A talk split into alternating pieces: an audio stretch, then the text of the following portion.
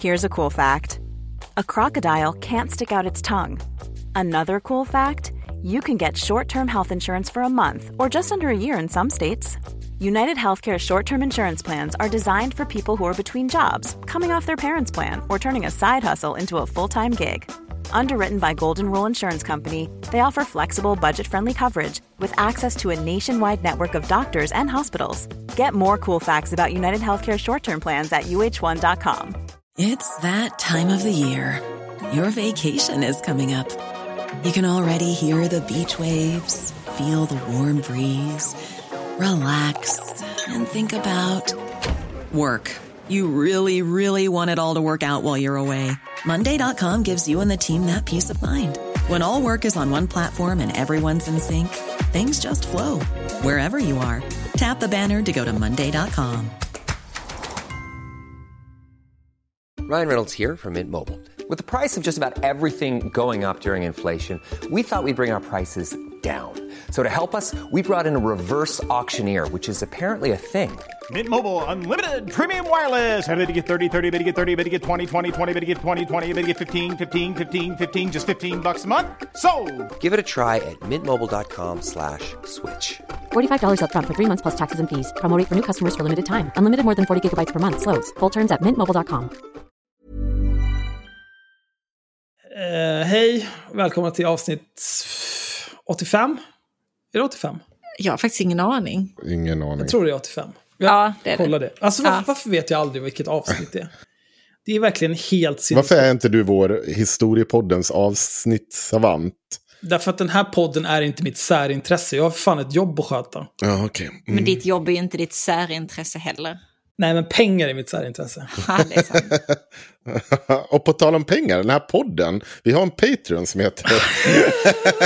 Axel, du har ju lovat att du ska bli bättre med ditt Patreon-game. Jag har sett Ja, och lyssnat på ja. gamla avsnitt. Och du var väldigt bra på att skälla ut folk för att de inte är Patreons. Alltså grejen är att jag älskar ju pengar, men jag är ju samtidigt inte girig. Jag tycker vi, vi har en okej sidoinkomst nu från det här. Jag, jag orkar inte riktigt engagera mig.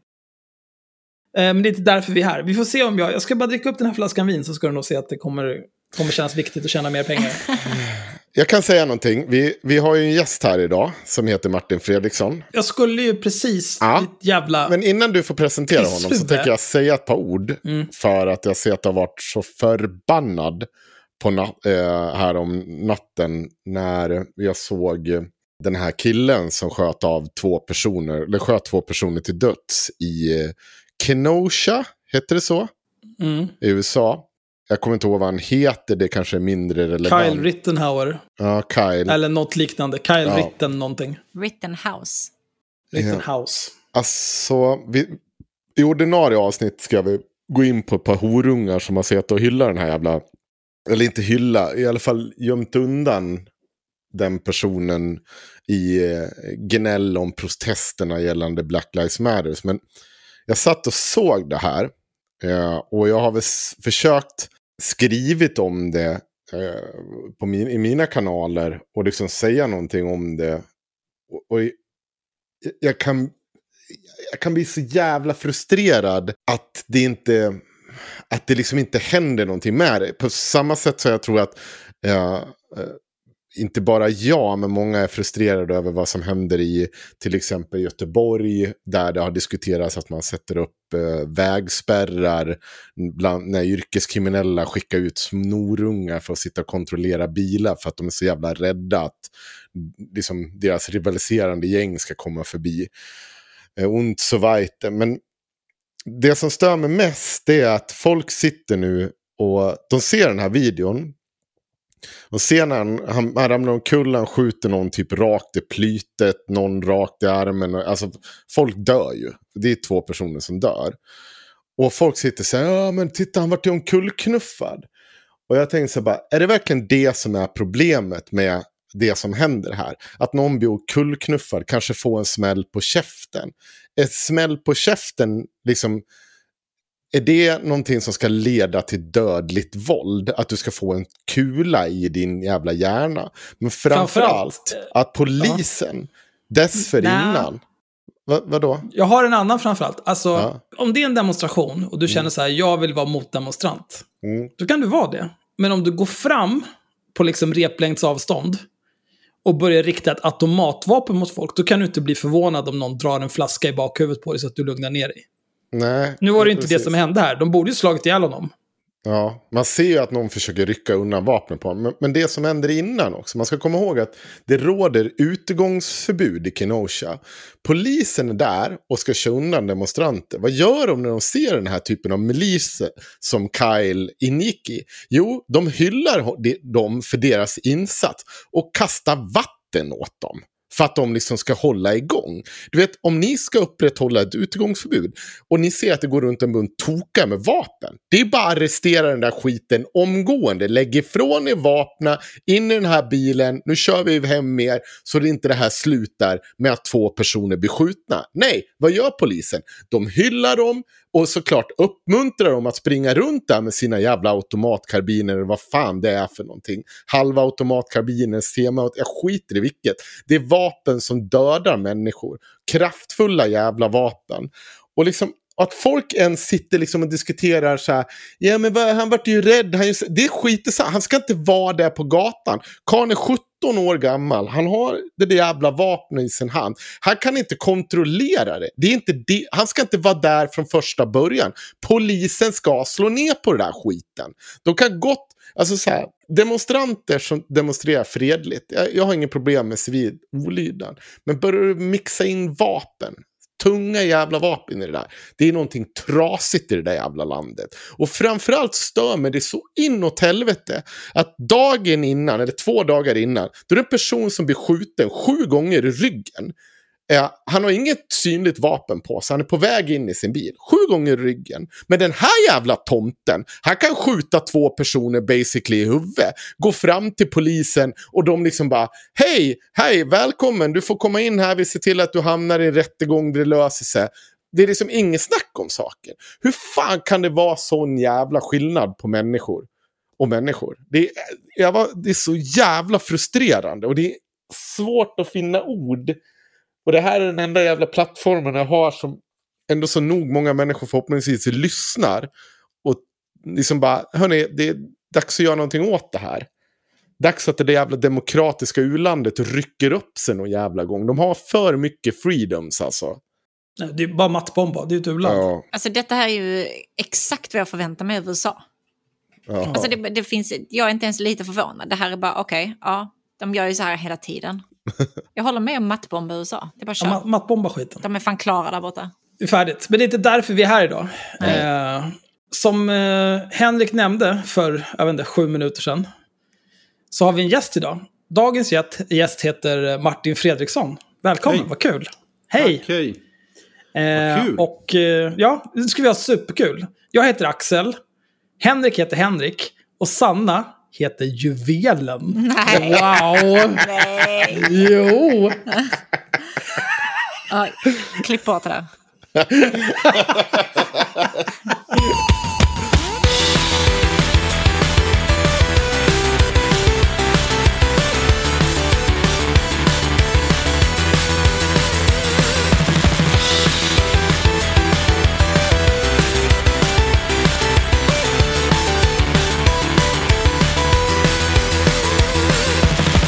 Ska vi börja? Ska Ja, jag- vi börjar. Jag kan, jag kan börja med att eh, berätta att Martin, han är 47 år gammal. Kommer från Jag Västervik. är 47 år gammal.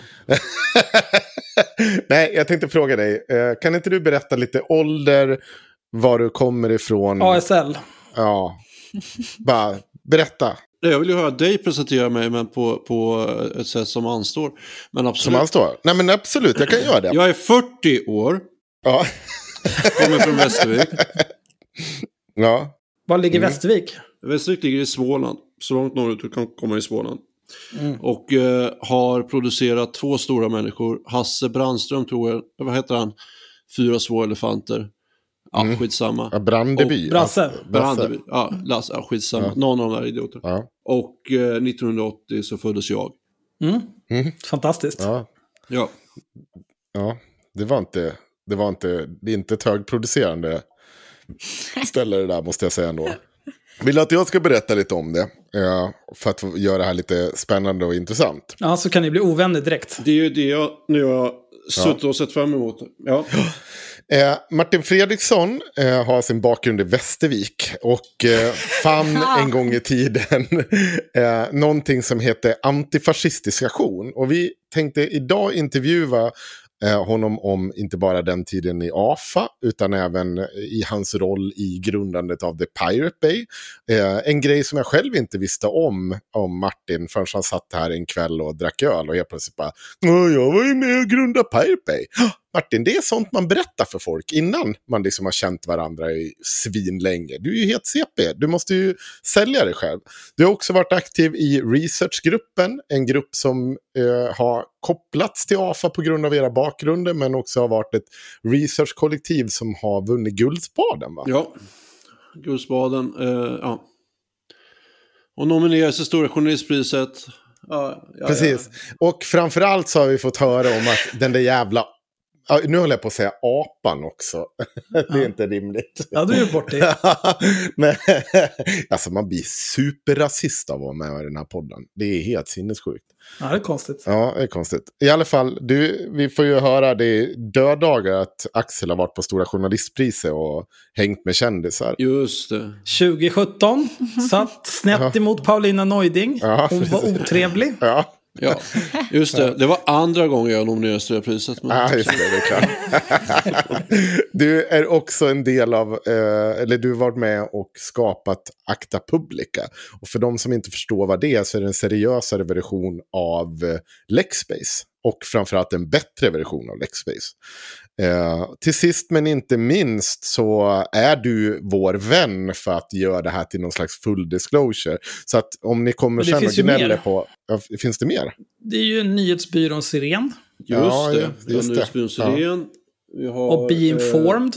Eh, Be Informed. Eh, sen något jävla tykonomibolag. Jag vet inte riktigt vad det gör. Ja, just det. Det sitter med i vårt... Du, du sitter med, med Haveristerna Media Group, Eh, eller hur? Ingen jävla aning. Nej, nej han, är, han är med i... eh, han är suppleant i Amorua IT och Tykonomi. Jaha, okej.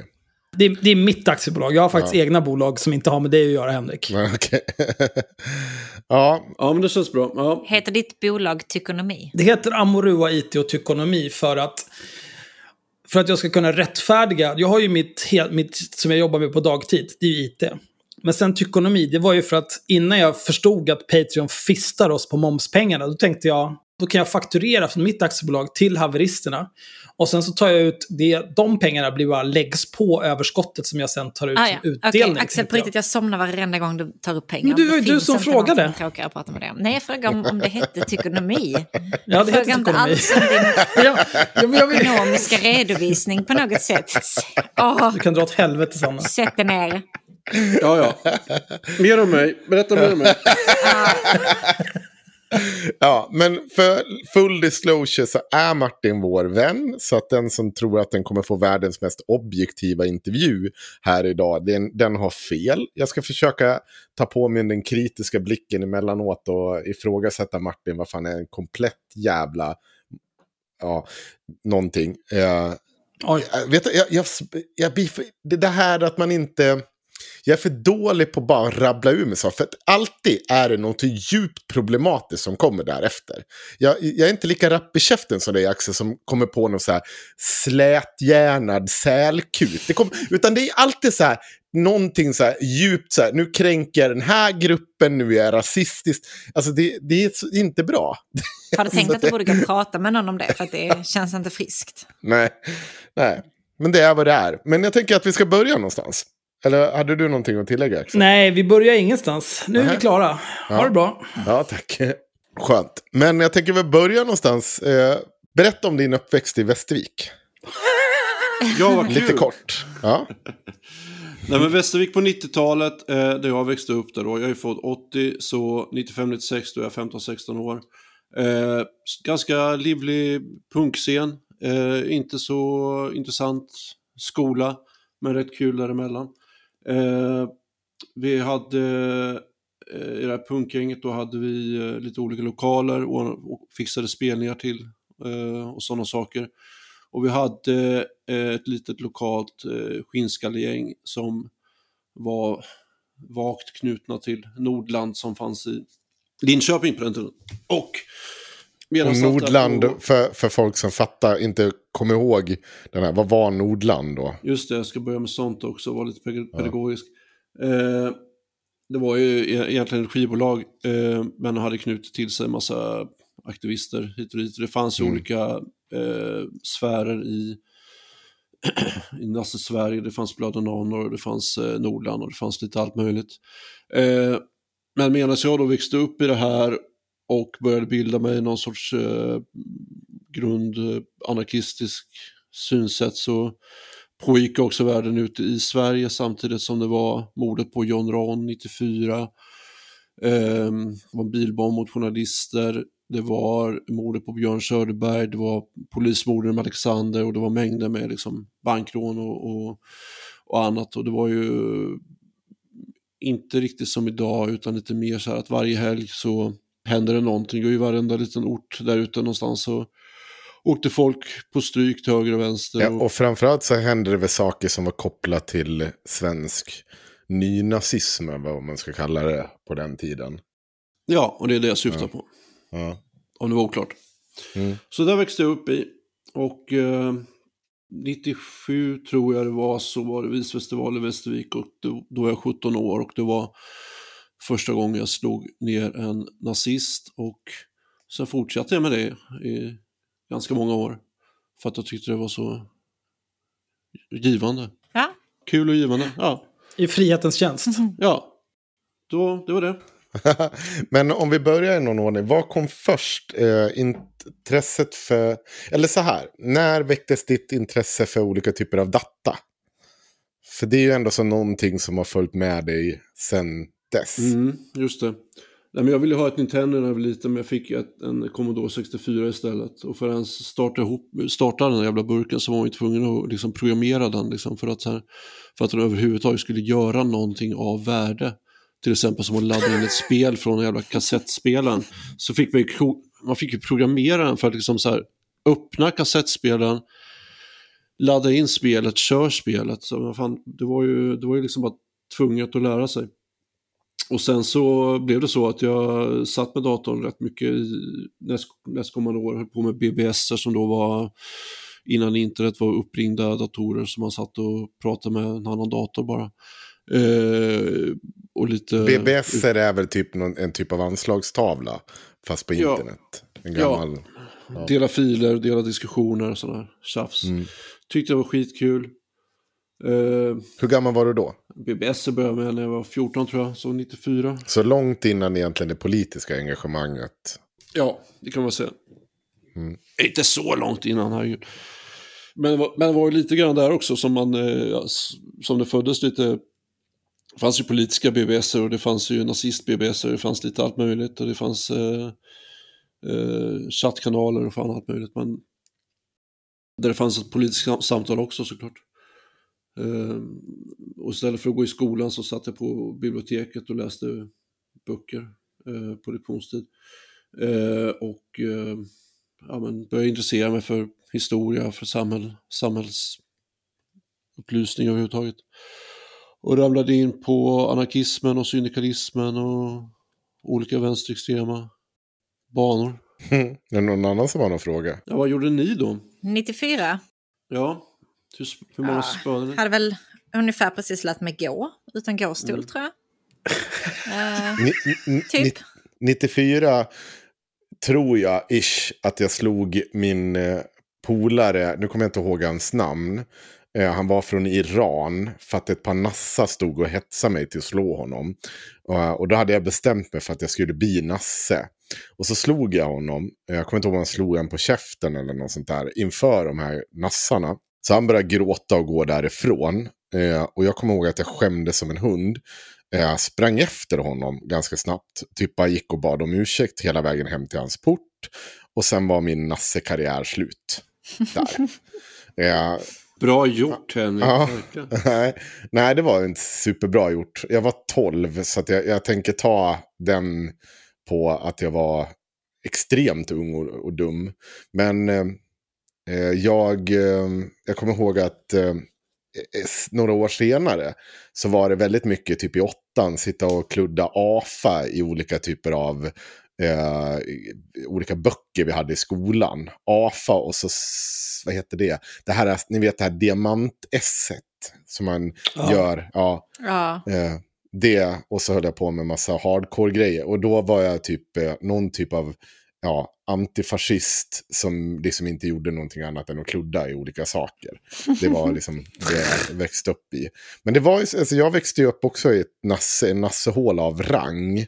Ja, för du vet ju du också att i Bergslagen så var ju liksom hela deras, alltså det var en stor verksamhet där på 90-talet. Och det var ju allt från liksom Asa trokyrka man skulle dra igång till, eh, ja men jag vet han, Klarström var ju här och ragga unga pojkar till sitt eh, fanbase inom SD. Men de tyckte han var för mesig så då skulle ju de balla ur och bli värre och så vidare.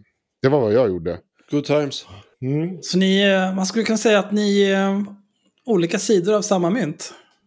Vi kommer ju från Håle båda två. Ja, vi. precis. Ja, och vi kommer ju från bara olika, alltså så här, jag gömde mig ju för nassarna då. För de var så, de var ganska starka. Jag kommer ihåg när de sprang på karnevalen i Avesta som det hette då. Det är en typ stadsfestival. Ja, och så um, kom de och så bara flög de på typ någon med asiatiskt ursprung och bara började slå honom. Och det var ju liksom, bara hoppa på den här personen, misshandla honom. Ja, och det var eh, visserligen bara ett år och jag tror att det var det år de kände sig starkast. Men sen har jag ju berättat andra historier tidigare i den här podden. Det får ni söka upp. Ja, men det var väl vad jag gjorde under 90-talet. Jo, men det var väl något liknande som i, Ja. som i, i, i Västervik hade sin eh, visfestival och, och varje år och då var det alltid massa folk där och det var liksom samma, samma stuk där, liksom ett gäng eh, uniformerade skinnskallar med eh, bomberjacka och eh, jeans som går omkring och sen Mm. Spör de på, valfri, vad de tar liksom. Eh, och så där såg det ut, vill jag förmedla ver- verkligen, att så där såg det ju faktiskt ut en gång i tiden i ganska många små hålor runt om i Sverige. Och det var innan man satt och Twitterkrigade så att säga. Mm. Alltså jag kommer ju också från en liten håla. Men alltså jag kan inte komma ihåg att det fanns någonting så pass organiserat. Alltså sen är ju i princip alla rasister här, det, så är det ju. Smygrassar minst. Men äh, nej, jag kan inte komma ihåg att det skulle vara så organiserat. kommer säkert folk sitta och säga till mig att jag har gett fel. Äh, men, men det får vi se. Ja, I Stockholm så var det lite mer ordning och reda tror jag. Man kunde i och för sig inte gå till, i Gamla stan på kvällarna. För att eh, det var nazister vid helikopterplattan där. Det är ju halva stan. Mm. Ja, eh, och sen eh, Fryshuset, där var det ju nassar som hoppade på folks huvuden varannan helg. Perfekt. Så det var ju också sådär.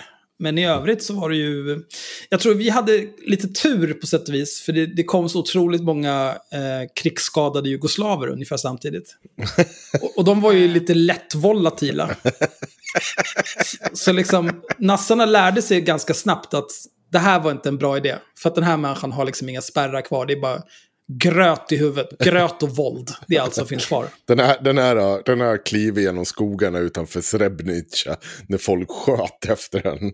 Ja, är men det här har liksom sett sina föräldrar i en massgrav, gått genom halva Europa, har inte riktigt tid med att du ska stå och heila. det, det funkar inte. Precis så var det. Nej, så håller man sig undan i Gamla stan och eh, Hammarby sjöstad så var det väl lugnt. Stockholm. Ja, det var inga Ja. konstigheter. Ja. Det var några runt eh, Hornstull och Zinkensdamm där jag växte upp också, men det var, de, de var illa omtyckta. De brukade få spö av de lokala alkisarna. Ja, det är bra. Ja, det var, det var en bra pamflett, eller vad säger man, eller bakgrund vi målar upp över 90-talet, Sverige. Eh, Ja. Men om vi börjar då, då, vad var det som, liksom hur, var det AFA du gick in i eller var det någonting liksom annat du hamnade i först? Eller vad var, när vart du organiserad och vad vart du organiserad i? Nej, men vi hade en eh, syndikalistisk förening, vad heter det, syndikalistiska ungdomsförbundet. Tror jag vi hade där Mhm. 90, SUF. 95, 96 eller någonting.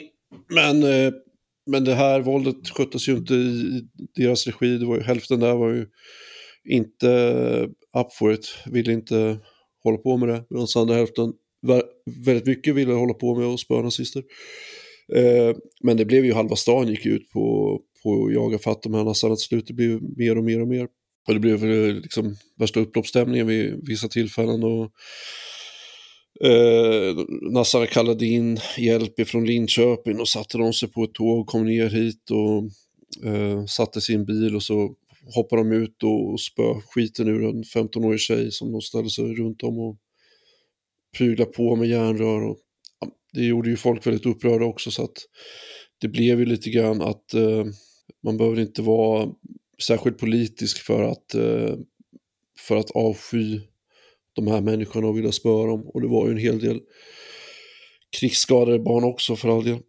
Men så var det lite grann i de här eh, småorterna så var ju våld fram till ganska nyligen var ju lite grann en folksport som man höll på med. Vi, vi, ja. vi korvkiosken in med Cam för att man, man kom inte in på krogen eller vad fan det var. Men det var inte så jävla allvarligt heller. Man sågs i skolan efteråt eh, och, och heja på varandra. Liksom. Men man stod inte och hoppade på varandras huvuden som man gjorde med, med nassarna när de kom. För det var lite mer, lite mer hat. Mm. Men det där lät ju som en sån typisk röna om vad som hade hänt. Var det verkligen så att de hade hoppat ut och liksom dragit på en ensam tjej och misshandlat? För det, det där hörde man ju i Avesta en hel del sådana typ berättelser om varför vi skulle spöa upp den här grupperingen. Eh, och det var alltid så grovt, men var det verkligen så? Ja, de här satte sin bil, eh, åkte runt och letade efter rödingar. De såg två, de åkte förbi mig faktiskt när jag gick över bro, men de såg inte mig. Det var en jävla mm. tur. Men sen åkte de bort lite längre bort. Där såg de två tjejer, den ena hade palestinasjal på sig eh, och den hade inte, hade, hade inte det, men det räckte för dem. Så då hoppar de ur bilen, eh, rusar efter dem. Den andra tjejen Tjejen som har palestinasjal, hon lyckas komma undan men andra tjejen hon har högklackade skor. Så så 5-10 meter från sin, sitt, eh, sin bostad där hon, där hon bor så blir hon upphunnen och eh, de så, stod liksom i en ring runt henne. Och pryglade på henne ganska kraftigt med, med järnrör och sen så blev de flesta av dem blev gripna dagen efter och eh, fick eh, fick slut, slutligen fick de uh, fängelse, några stycken av dem. Ah, okay. uh, och uh, jag, satt i, jag kommer ihåg, jag satt i rättegång för den grejen och uh, kollade på de här killarna. Man, man, var ju liksom, vad var man, 17 år själv och här kommer de här snubbarna som är från Linköping, 25 år gamla, har liksom ett ganska kraftigt brottsregister bakom sig. De är bara ute för att, för att jävlas med sina medmänniskor. Liksom. Det, det är liksom de här det var inte så kul att träffa på de här personerna, även om man kände sig liksom plikttroget tvungen att, att uh, ge sig på dem för, för att stå upp för sina kompisar, om inte annat. Uh, men uh, ja, vad ska man säga om det? En av dem är död nu för tiden. dog för ett par år sedan i någon, sorts överdos, vilket inte är så ovanligt för dem. Så det är alltid mm. något. Har du upplevt det här? jag är ju många av de här gamla nassarna som jag växte upp med, de gick ju igenom någon typ av reformation där, eh, vi ska säga mitten på 2000-talet. Fram till mm. kanske 2014 skulle jag nästan säga. Någonstans där tror jag att, om jag minns det, jo, jo där. För att jag hade så här, några av de här personerna som jag stötte på liksom, som jag växte upp med, som jag var livrädd för, som var liksom tatuerade ända upp i ansiktet redan då, någon gång på 90-talet, och de var, hade alltid bombajackor och hela liksom, den kulturen.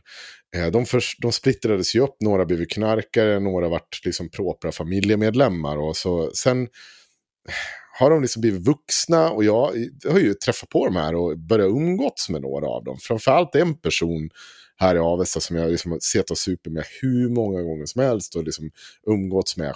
Supertrevlig. Men inför valet 2014 så upplever jag att flera av de här liksom började krypa tillbaka. Inte nog, de skulle ju rösta på SD. Men det var mycket det här med, du vet, jo men det är de här andra som styr. Bilderberggruppen och hela den där jävla skiten. De gjorde liksom, det var som att de helt plötsligt nu 15 eh, år senare så gjorde de någon slags comeback och bara nej nu är judarna, judarna! Känner du igen det? ja visst, visst. Mm. Nej, men vad händer under den tiden liksom? Sverigedemokraterna kommer in i riksdagen och sociala medier blir större, man, får, man kan sitta och liksom bekräfta sin egen världsbild. Deras egna barn växer upp och blir lite mer självgående och kan liksom sätta mat i käften på sig själv och de får lite mer tid över till annat. Eh, och eh, att sköta sig och, och vara en duktig liksom, samhällsborgare kanske inte ger så jävla mycket när man ändå saknar utbildning och saknar driv och saknar någon sorts engagemang för någonting annat. Så, att, eh, så det, då kan man ju lika gärna, alltså så här, människor som närmar sig ja, men, vad ska man säga, 35-40 och ser att det, det, blir inte bättre för mig, det blir bara samma jävla skit ändå. Liksom, så här, de blir ju bittra till slut. Mm. För, att de är, för att de är för dåliga, för att de är sämst. och då är det väl jättebra att kunna... Då är det tur att judarna finns. Ja, jättebra. ja. Okej, okay, men så det, det börjar med SUF. När kommer AFA in i bilden då? Eh, AFA kommer in... alltså vi, jag flyttade till Linköping 99, då var jag 19. Eh, jag tror jag gick med i AFA där samma år för att jag var så sugen på att slåss med nazister hela tiden och liksom var med på mycket aktioner och mycket på och, eh, resor och sådär. Och, och det var ju ett starkt nazifest i Linköping. Och eh, du gick in där och var aktiv i tre, fyra år. Ganska mycket med den gruppen.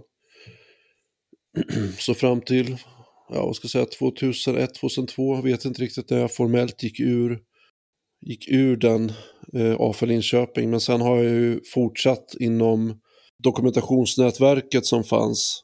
Eh, det vill säga den, den underrättelsetjänst som man kanske vill kalla sig själva. Eller liksom den där man sitter och tar upp fram uppgifter på, på nassar och kartlägger och, eh, och sånt eh, var jag aktiv i eh, flera, flera år sedan. Men om, innan vi, vi, vi börjar med det, under den perioden då du var aktiv medlem i AFA. Eh, att så att i liksom själva, nu ska vi ut och spöa nassar. Om, om du får själv uppskatta, hur många nazister du har slagit på käften? Eh, jag vet inte, jag vet inte. 20-25, alltså det... Hur många har du fått stryk av? En. En? Okej. Okay. Alltså, nej, jag har säkert fått stryk flera gånger, men jag har fått riktigt mycket pisk en gång. Det är bra KD-ratio ändå. Ja, fan. men när du flyttade, Linköping sa du? Ja. Flyttade du dit för att få slåss med nassar eller hade du något annat syfte med den flytten? Nej, men jag hade lärt känna mycket vänner där eh, utifrån det politiska engagemanget. Men jag ville ifrån Västervik också. Linköping var ju en stor stad. Vilket det inte är, men, eh, men det var ju så man såg på det. Och det fanns väldigt mycket politiskt som hände där. Och det var liksom intressant. Jobbade du eller pluggade under den tiden också? Eller? Jag eh, sysslade med, mycket med fakturabedrägerier och fakturaskojerier. så att jag beställde hem jävligt mycket grejer till eh, ett namn som stod på min dörr. Men som inte var någons namn. Eh, och sen sålde jag de grejerna. Och sen så kom mm. det faktura på de grejerna och då slängde jag fakturan och sen så betalade jag inte räkningen och sen så använde jag stulna kreditkort och sen så var det en liten cirkus på olika bidrag man kunde leva på också under, under samma tid. Men, men eh, jobbade nog ingenting överhuvudtaget. Kan du, kan du berätta lite om AFA? Vad är, eller vad var AFA då när du går med i det? Det finns ju en... Eh, en offentlig historia om att AFA startas som en respons mot alla eh, mordbränder mot flyktingboenden som var tidigt 90-tal. Mm. Och det kan mycket väl stämma. Det, jag har ingen an, större anledning att liksom ifrågasätta det. Men för mig och många i, i, som var lika gamla som mig eller som var runt det så var det nog snart en, en allmän reaktion på att man kunde för fan inte ens gå utomhus eh, och ha palestinasjal på sig eller jeansjacka på sig utan att få stryk. Och, liksom så här, och, och, eh, och man tänkte helt enkelt inte ta det. Det här var innan Ritalin, det var innan alla jävla ADHD-diagnoser. Så man hade ju en massa jävla spattiga vänsterungar som, bara, som inte tänkte ta det, som bara, som bara slog tillbaka. Och där tror jag att eh, alla de här spattiga vänsterungarna hamnade till slut i, eh, i samma klubb. Och det var AFA. Så basically en firma för folk med, eh, liksom, jag kan inte sitta still i skolan problem. Odiagnostiserad ADHD. Det var... Ja, nu är, nu är jag nog... Jag har, ing, jag ju fan inga diagnoser. Nej, absolut inte. Du är, du är, du är helt, du är absolut en, ja, ja, jo, nej, ja. det är ingen här som påstår att du har någon diagnos. Nej men, för att, nej, men för att generalisera, fan, det finns väl en anledning till att folk inte är ute och slåss på gatorna längre. Så vi, alltså tyvärr. Och det är väl för att de är igenproppade av uh, Ritalin och har hittat något bättre utlopp för, för sitt, jag vet inte. Sitter på sociala medier och skickar likes istället. För, jag, men, men, men Mm. då, på den tiden, så fanns det ungdomar som inte accepterade att få stryk och som tyckte att det kändes skönt i kroppen att ge skinnskallar och nassar och bulor riktigt mycket pisk. Fan vad jag, alltså, så, det där drömmer jag mig bort till någon, någon gång ibland. Att det fick jag aldrig göra. Jag fick aldrig ge en skinnskalle. Jag, jag slog bara liksom min kompis.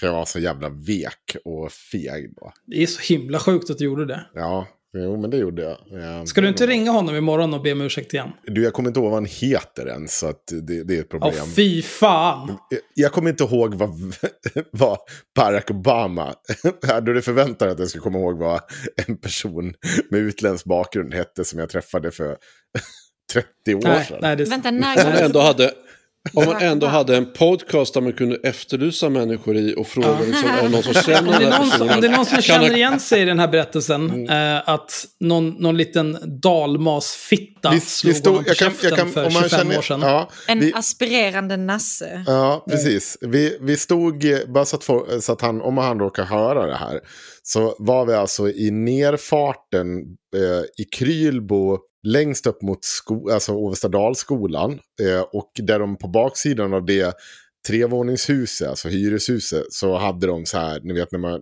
nerfart, asfalterad nerfart till garage under. Där slog han på käften. Ja. Och så sprang vi upp på sidan och så sprang han hem och så sprang jag efter och bad om ursäkt och skämdes som en hund. Fan. Som han kände igen det här. M- eh. Ni kan mejla oss på haveristerna. Vad är vår mejl, Axel? At haveristerna.protonmail.com. Ja, mejla oss där så kan du få vara med i avsnittet för en offentlig ursäkt. Eh, Ja. Från Henrik. Mm. Ja. Skitbra. Om jag hade varit du Henrik, jag skulle nog hellre ställa mig framför ett tåg än att be om ursäkt en gång till vuxen ålder. Fy fan. Jag, eh, jag pepparsprayade en efterbliven kille en gång. Oj, På kul eller? Och det tänkte jag kan ju fylla i då med, med min egen sån här historia. Eh, var det, var det av misstag eller med vilje? Ja, det var ganska mycket av vilja, men det var... Ja. Så här var det. Det var en Nassefest i Västervik.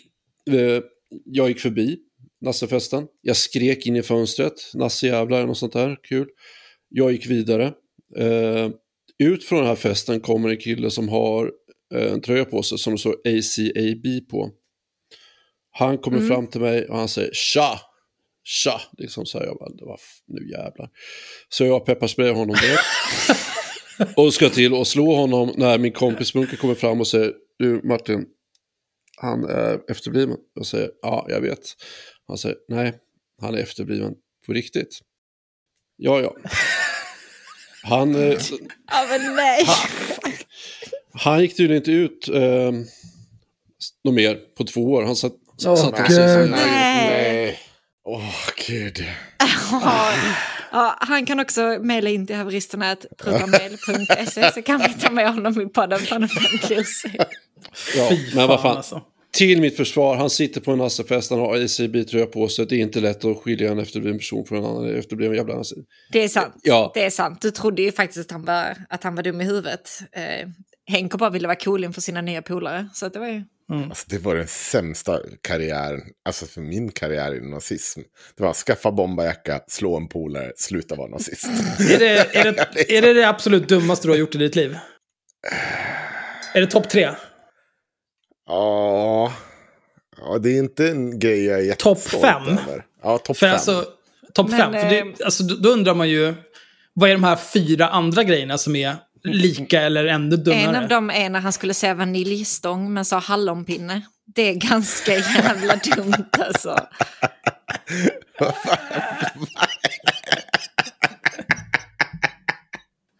Fan. Ja, det var riktigt korkat Henrik. Ja, det var inget bra. Va? Det här kommer Men- inte jag men- ihåg. Jag vet inte vad det är vi pratar om. Det är väl Martin vi ska Nej, det prata har om. du väl. Ja, vi pratar om Martin istället. Ja. Skit i det här. Ja. Ja, men Martin kanske kan hålla en sammanhängande konversation. Det kan ju inte du. Oj. Jag ville bara Men det här trösta med-. Ja, så. Ö, Det här Linköping då? När, eh, Ja. när tröttnade du på det? Eh, jag tröttnade på det vintern 2003 eh, och flyttade tillbaka till Västervik igen en, en kortare runda. Eh, det, var, det var ganska mycket som hade hänt däremellan. Vad hade hänt? Alla mina autonoma vänner i, i, i Linköping hade bestämt sig en dag för att så här, ah, men vi ska ockupera ett jävla hus. Vi går in på fredagen, vi ockuperar huset, vi kräver att det ska bli bostäder. Eh, sen går vi i skolan på måndag och däremellan så kastar vi sten på polisen. Det låter smart. Ja, varpå jag sa så här, men jag, jag tror att ni kommer sitta häktade för det, jag tror inte det kommer gå skolan. Och jag sa nej då, det kommer gå lugnt. Jag sa pass på den.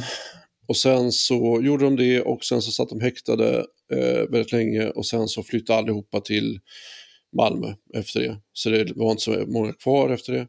Jag hann med att sitta inne i häkte en, ett par månader också för en annan grej. Som jag Va, och, kan, för. kan, vi, kan vi berätta lite om den grejen? För den är ju återkommande i historien kring det ändå. En av många myter, en av många hjältedåd som någon har utfört. Eh, ja, men I bostadsområdet där jag bodde, eh, så en kväll så satt jag och några kompisar hemma, vi hade en filmkväll hemma och eh, tog det lugnt och chillade. Dagen efter får vi höra att eh, den lokala McDonalds-restaurangen som ligger några hundra meter därifrån har brunnit ner till grunden. Eh, vi blir gripna allihopa. Får sitta häktade. Två och en halv, tre månader. Eh, besläppta eller blir friade i tingsrätt. Eh, tack och lov. Eh, jag fick skadestånd på 45 000. Eh, det är en sån här grej jag tänker tillbaka på. Skulle kunna, hänt, skulle kunna varit lite annorlunda om jag hade åkt dit på betala 14 miljoner i skadestånd. och sitta inne fyra år för. Men absolut, det gick ju, det blev ju bra. Det gick ju bra. Ja.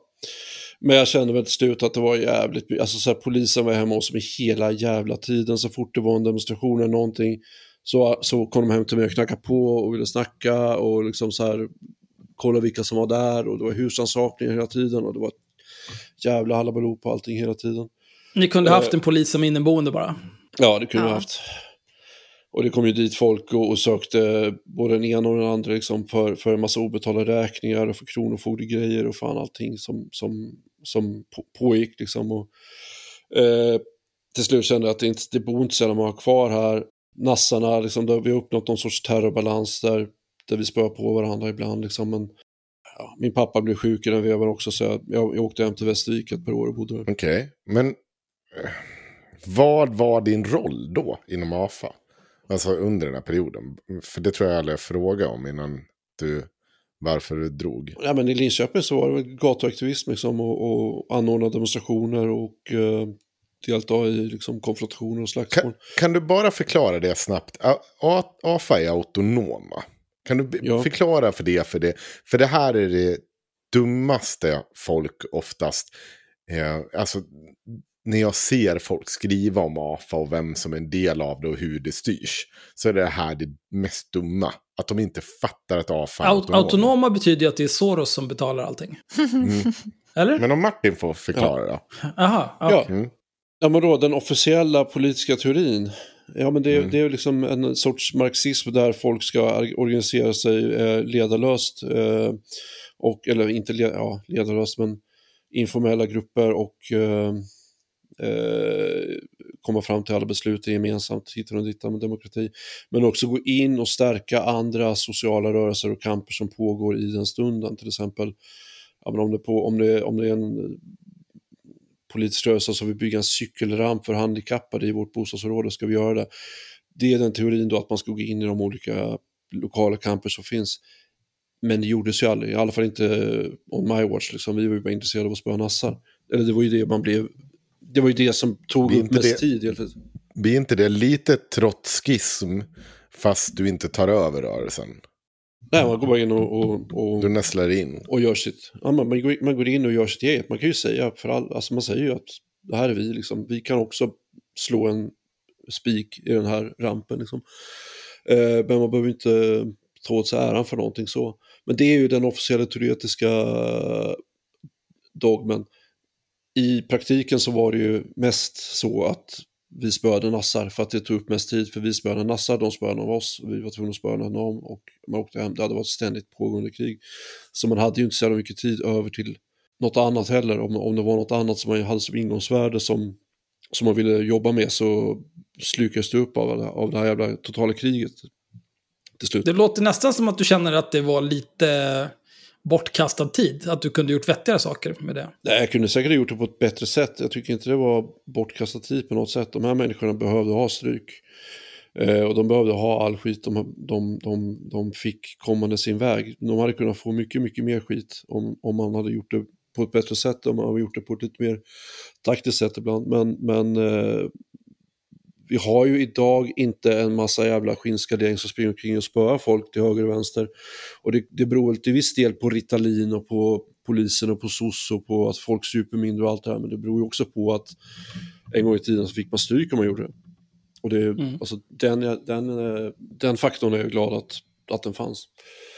Det är så jävla många människor som kommer fram till mig liksom och, och som att mig så här eh, löjliga politiska projekt som Expo eller något sånt där. Och, Eh, nej, men de pratar om så här, ah, men när jag var 12 år och såg de här eh, skinnskallgängen springa omkring, jag var ju livrädd för dem, men fan, man, man hejar ju på AFA, alltså, de fick ju stryk liksom. Så här. Man, det var ju ändå, fyllde ändå en viktig roll tycker jag. Ja, jag håller helt med. Det är ju inte som att polisen spör dem. Så att, nej. nej, de var väl upptagna med att kasta pundare ner för rulltrappor och så. Nej, men alltså, kom ihåg i Västervik då, det här eh, lokala kommunala svaret då på att hela jävla stan är ute och begår liksom upplopp varje helg för att ett gäng skinnskallar inte kan bete sig. Vad ska vi göra? Jo, men vi hyr en lokal och vi sätter dem i samma rum och så lär vi dem vad fördomar är och så får de prata med varandra och så får de möta varandras argument och sen blir det bra. Eh, det var ju liksom det som var, vad ska man säga, det officiella samhälleliga svaret, den responsen på allt det här som pågick eh, på gatorna. Så det är kanske inte så jävla konstigt heller att folk eh, ja, men det är ju som... spör på dem. Jag menar, om ingen annan spör på dem så är det klart man gör det själv. Det är som Fryshuset var här, att då, då fick de ju en lokal, kungen var där och kastade dart. Och sen, eh, jag, tror, jag minns inte om det var en eller två gånger, men det var minst en gång som någon fick huvudet sönderhoppat av nassar precis ja. utanför lokalen de hade fått där. Och då började ja. folk känna så här, men det här hjälper ju inte. De här jävla skräpmänniskorna, alltså vad man än gör. Det är ju någonting som polisen skulle bara gå in direkt med sina batonger inne och krossat huvudet på dem. Eh, det hade ju aldrig accepterats om muslimer sprang omkring och eh, tyckte sig äga stan på det sättet som de betedde sig och sa att ni får inte vara du får stryk för att du är bög, du får stryk för att du är jude eller, eller vad som helst. Då hade det blivit ramaskri, det hade blivit samhälle, det hade blivit anstalt på dem direkt. Men här, i alla fall på 90-talet och till viss del nu för tiden också så blir, så blir den här jävla, nej men det här är missförstådda ungar, de ska pratas till rätta, de har hört något jävla superbra argument för att bli nazister, de måste höra ett annat argument för att inte bli nazister. Om vi skulle ta och skicka dem till Gulag, eller om vi skulle ta och skicka dem till Auschwitz, inte för att gasa dem utan för att, utan för att liksom undervisa dem. Studieresa. Eller, ja, men så här, massa sånt där jävla skit. Det är som de här värstingresorna de gjorde också, ute på ja, lyxbåt över Atlanten i tre månader. Ja. Det var ja. också bara skit. De skulle ju dumpat dem till havs. Jo, fast å andra sidan så sitter vi och pratar med en person som anklagas för att ha bränt ner McDonalds. Jo, men och... fuck McDonalds. Hur många ja. McDonalds finns det inte?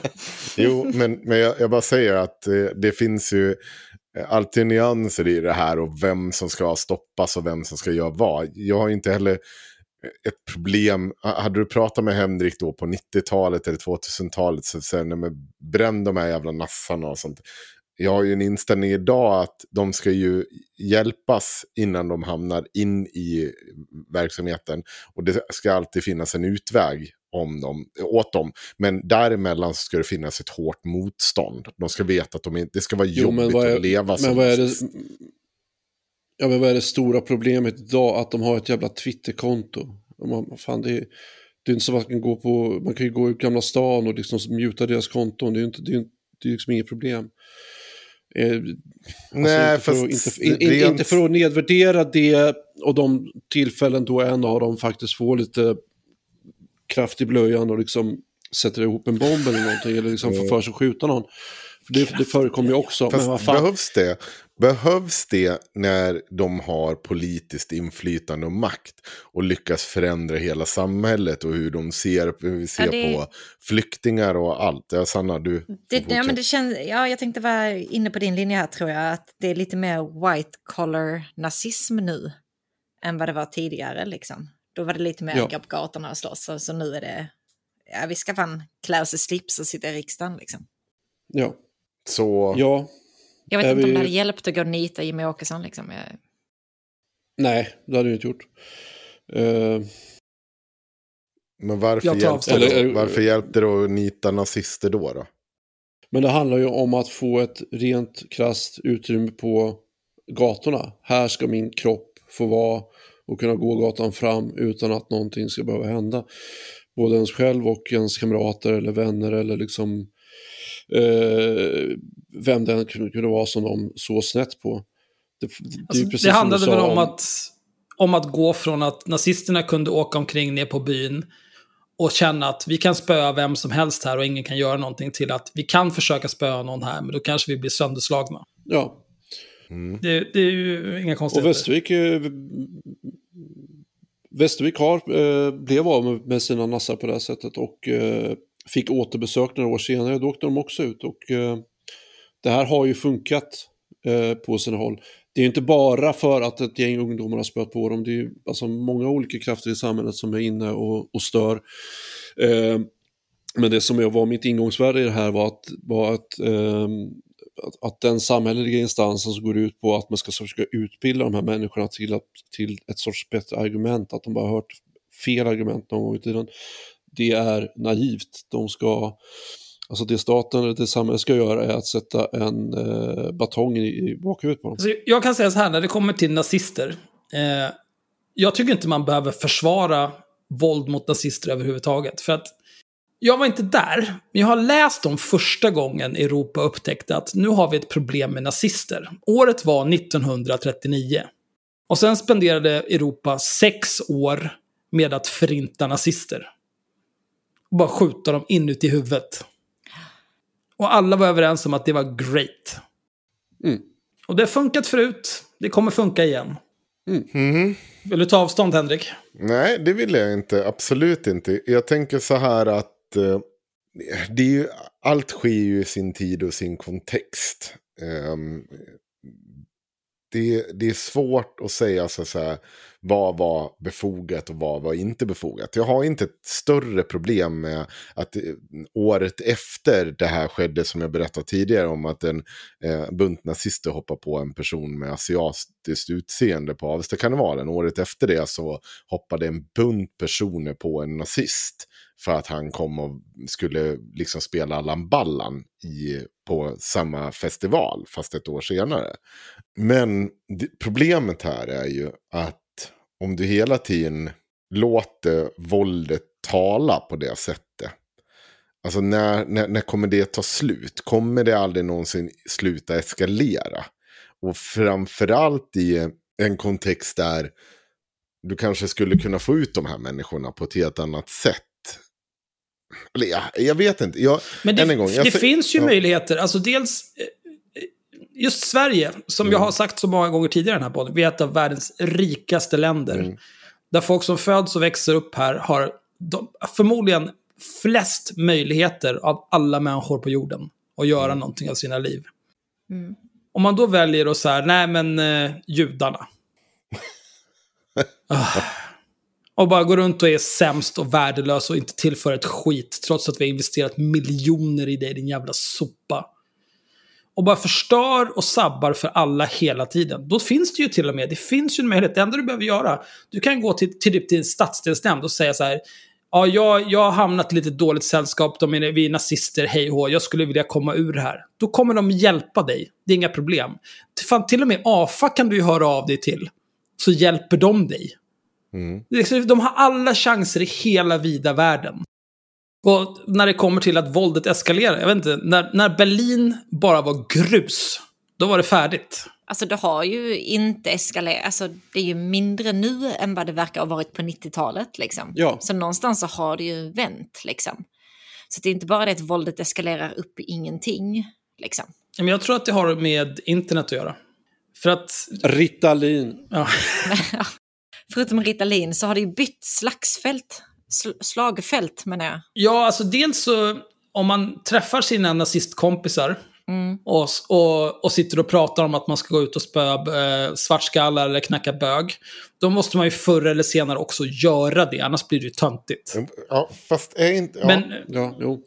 ja, Alltså, så du då, sitter ju här dag in och dag ut och snackar om att du ska bjuda över folk på kaffe på Gullmars. Hur många har du haft över Axel? det är bara Jonas Hållén som har kommit hit. Magnus var här också i och för sig, men han hörde inte av sig i förväg, så att det blir inget. Han fick inte komma in. Nej. Nej. Han smsade när han stod på torget, då kan han dra åt helvete. Jag var upptagen. Men... Eh, eh, internet. Med Ja, men- internet, då, då är det inte samma grej längre. Utan då kan du bara då kan du sitta på 4chan eller Reddit eller på Discord eller Telegram eller var fan du nu sitter någonstans. Och så kan du vara kantig som fan. Och det kostar ingenting. Nej. Så där, där har du ju liksom... Det är därför de har blivit fler nu egentligen, tror jag. Bara det att de inte är ner på byn och slåss med folk längre, utan de sitter och är apor på internet bara. Ja, men det är ju folk till vänster också. Eller åt alla jävla politiska håll och kanter. Det handlar ju bara om att sitta och jaga likes och få nästa jävla bekräftelse på att man har gjort någonting bra. Liksom här, här är en selfie på mig när jag ger pengar till någon jävla dåre. Liksom. Eh, men ingångsvärdet var ju som om Henrik frågar liksom, eller tycker att våldet eskalerar. Och, och, så här, det, är ju inte, det var ju inte så mycket ta, som ett så här beslut man fattade när man var 17. Att så här, nu har jag läst de här böckerna, nu, nu, eh, nu har jag kommit fram till den här eh, åsikten att nazister, de ska vi bara trycka ner och spöa på. Utan det var ju någonting som bara hände för att de var där och de tyckte inte om att det fanns andra människor på samma gata. Och då fick man ta ställning till det.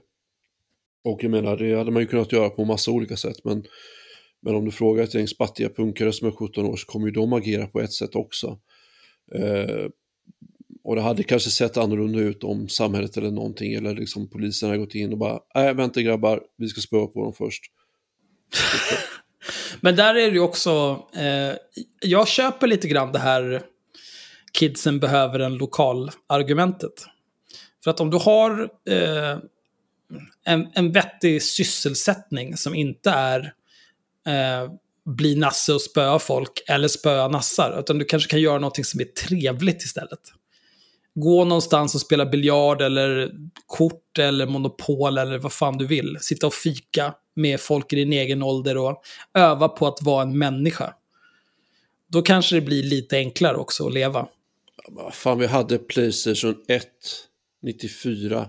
Vi, det fanns folköl, det fanns för fan en fritidsgård. Alltså, vadå? Nej, jag vet inte. Det. Men hänger inte alltid typ nassarna i fritidsgårdar? Alltså det känns ju som att... Jag har haft begränsat umgänge med nassar så jag vet inte. Var det ingen annan än jag som fick panik när han sa att Playstation 1 fanns 94? Jag googlade omedelbart om det fanns 94 och inser att ja, det gjorde det.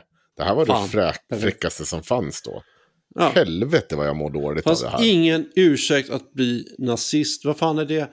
Man kunde sitta och spela Spyro Nej, men- hela nej, dagarna. Jag, nej, Spela tecken. Jag, jag har ingen Åh, jävla lokal. ja. Undrar vad, jag, ska- vad, vad ska jag ta mig till om jag inte har någon lokal? Jag ska googla upp den mest avskyvärda jävla politiska ideologi som någonsin har funnits. Den som går ut på att alla människor, förutom jag, ska bara ha det sämst. Och den ska jag aspirera till att bli. Den som inte ens liksom finns eh, mer än som marginell rörelse längre. Där ska jag lägga min kraft. Jag köper inte det argumentet, men... men eh, Men, men hur ideologiskt motiverade var de egentligen? Knappt tror jag. Var det inte mer att de hade ett kompisgäng äntligen?